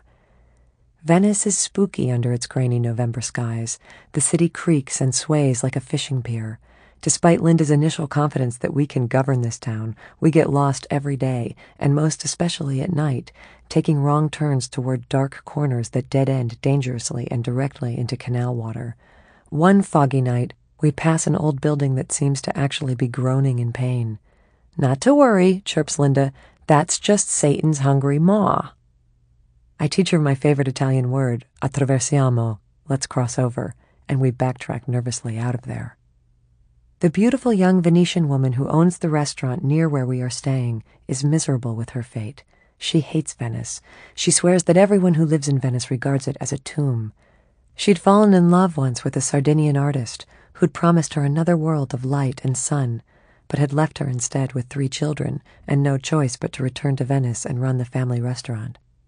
She is my age, but looks even older than I do, and I can't imagine the kind of man who could do that to a woman so attractive. He was powerful, she says, and I died of love in his shadow. Venice is conservative. The woman has had some affairs here, maybe even with some married men, but it always ends in sorrow. The neighbors talk about her. People stop speaking when she walks into the room.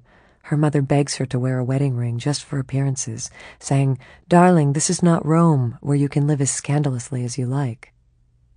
Every morning, when Linda and I come for breakfast and ask our sorrowful young old Venetian proprietress about the weather report for the day, she cocks the fingers of her right hand like a gun, puts it to her temple, and says, More rain. Yet, I don't get depressed here. I can cope with and even somehow enjoy the sinking melancholy of Venice just for a few days. Somewhere in me, I am able to recognize that this is not my melancholy. This is the city's own indigenous melancholy, and I am healthy enough these days to be able to feel the difference between me and it. This is a sign I cannot help but think of healing, of the coagulation of myself. There were a few years there lost in borderless despair when I used to experience all the world's sadness as my own. Everything sad leaked through me and left damp traces behind. Anyhow, it's hard to be depressed with Linda babbling beside me, trying to get me to buy a giant purple fur hat and asking of the lousy dinner we ate one night, Are these called Mrs. Paul's veal sticks? She is a firefly, this Linda. In Venice, in the Middle Ages, there was once a profession for a man called a codega, a fellow you hired to walk in front of you at night with a lit lantern, showing you the way, scaring off thieves and demons, bringing you confidence and protection through the dark streets. This is Linda, my temporary special order travel sized Venetian codega. 33. I step off the train a few days later to a Rome full of hot, sunny, eternal disorder. Immediately upon walking out into the street, I can hear the soccer stadium like cheers of a nearby manifestazione, another labor demonstration. What they are striking about this time, my taxi driver cannot tell me, mainly because, it seems, he doesn't care. Stigazzi, he says about the strikers. Literal translation, these balls, or as we might say, I don't give a shit.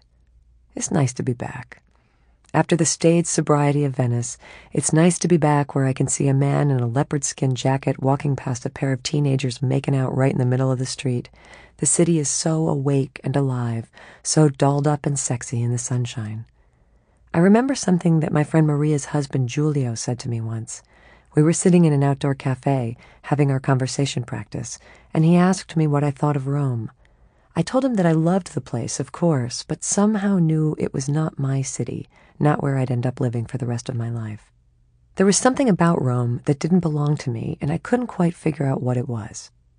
Just as we were talking, a helpful visual aid walked by. It was the quintessential Roman woman, a fantastically maintained, jewelry sodden, 40 something year old dame wearing four inch heels, a tight skirt with a slit as long as your arm, and those sunglasses that look like race cars and probably cost as much. She was walking her little fancy dog on a gem studded leash, and the fur collar on her tight jacket looked as if it had been made out of the pelt of her former little fancy dog. She was exuding an unbelievably glamorous air of, You will look at me, but I will refuse to look at you. It was hard to imagine that she had ever, even for ten minutes in her life, not worn mascara. This woman was in every way the opposite of me who dresses in a style my sister refers to as Stevie Nicks goes to yoga class in her pajamas. I pointed that woman out to Giulio and I said, See, Giulio, that is a Roman woman. Rome cannot be her city and my city too. Only one of us really belongs here, and I think we both know which one. Giulio said, Maybe you and Rome just have different words. What do you mean? He said, Don't you know that the secret to understanding a city and its people is to learn what is the word of the street? Then he went on to explain in a mixture of English, Italian, and hand gestures that every city has a single word that defines it and identifies most of the people who live there. If you could read people's thoughts as they were passing you on the streets of any given place, you would discover that most of them are thinking the same thought. Whatever that majority thought might be, that is the word of the city. And if your personal word does not match the word of the city, then you don't really belong there. What's Rome's word? I asked. Sex, he announced. But isn't that a stereotype about Rome? No. But surely there are some people in Rome thinking about other things than sex? Giulio insisted. No. All of them, all day, all they are thinking about is sex. Even over at the Vatican? That's different. The Vatican isn't part of Rome. They have a different word over there. Their word is power. You'd think it'd be faith. It's power, he repeated. Trust me. But the word in Rome, it's sex. Now, if you are to believe Giulio, that little word, sex, cobbles the streets beneath your feet in Rome, runs through the fountains here, fills the air like traffic noise. Thinking about it, dressing for it, seeking it, considering it, refusing it, making a sport and a game out of it, that's all anybody is doing. Which would make a bit of sense as to why, for all its gorgeousness, Rome doesn't quite feel like my hometown. Not at this moment in my life. Because sex isn't my word right now. It has been at other times of my life, but it isn't right now. Therefore, Rome's word, as it spins through the streets, just bumps up against me and tumbles off, leaving no impact. I'm not participating in the word, so I'm not fully living here. It's a kooky theory, impossible to prove, but I kind of like it. Giulio asked, What's the word in New York City? I thought about this for a moment, then decided it's a verb, of course. I think it's achieve which is subtly but significantly different than the word in Los Angeles, I believe, which is also a verb, succeed. Later, I will share this whole theory with my Swedish friend Sophie, and she will offer her opinion that the word on the streets of Stockholm is conform, which depresses both of us. I asked Giulio, What's the word in Naples? He knows the south of Italy well. Fight, he decides. What was the word in your family when you were growing up? That one was difficult. I was trying to think of a single word that somehow combines both frugal and irreverent. But Giulio was already on to the next and most obvious question What's your word?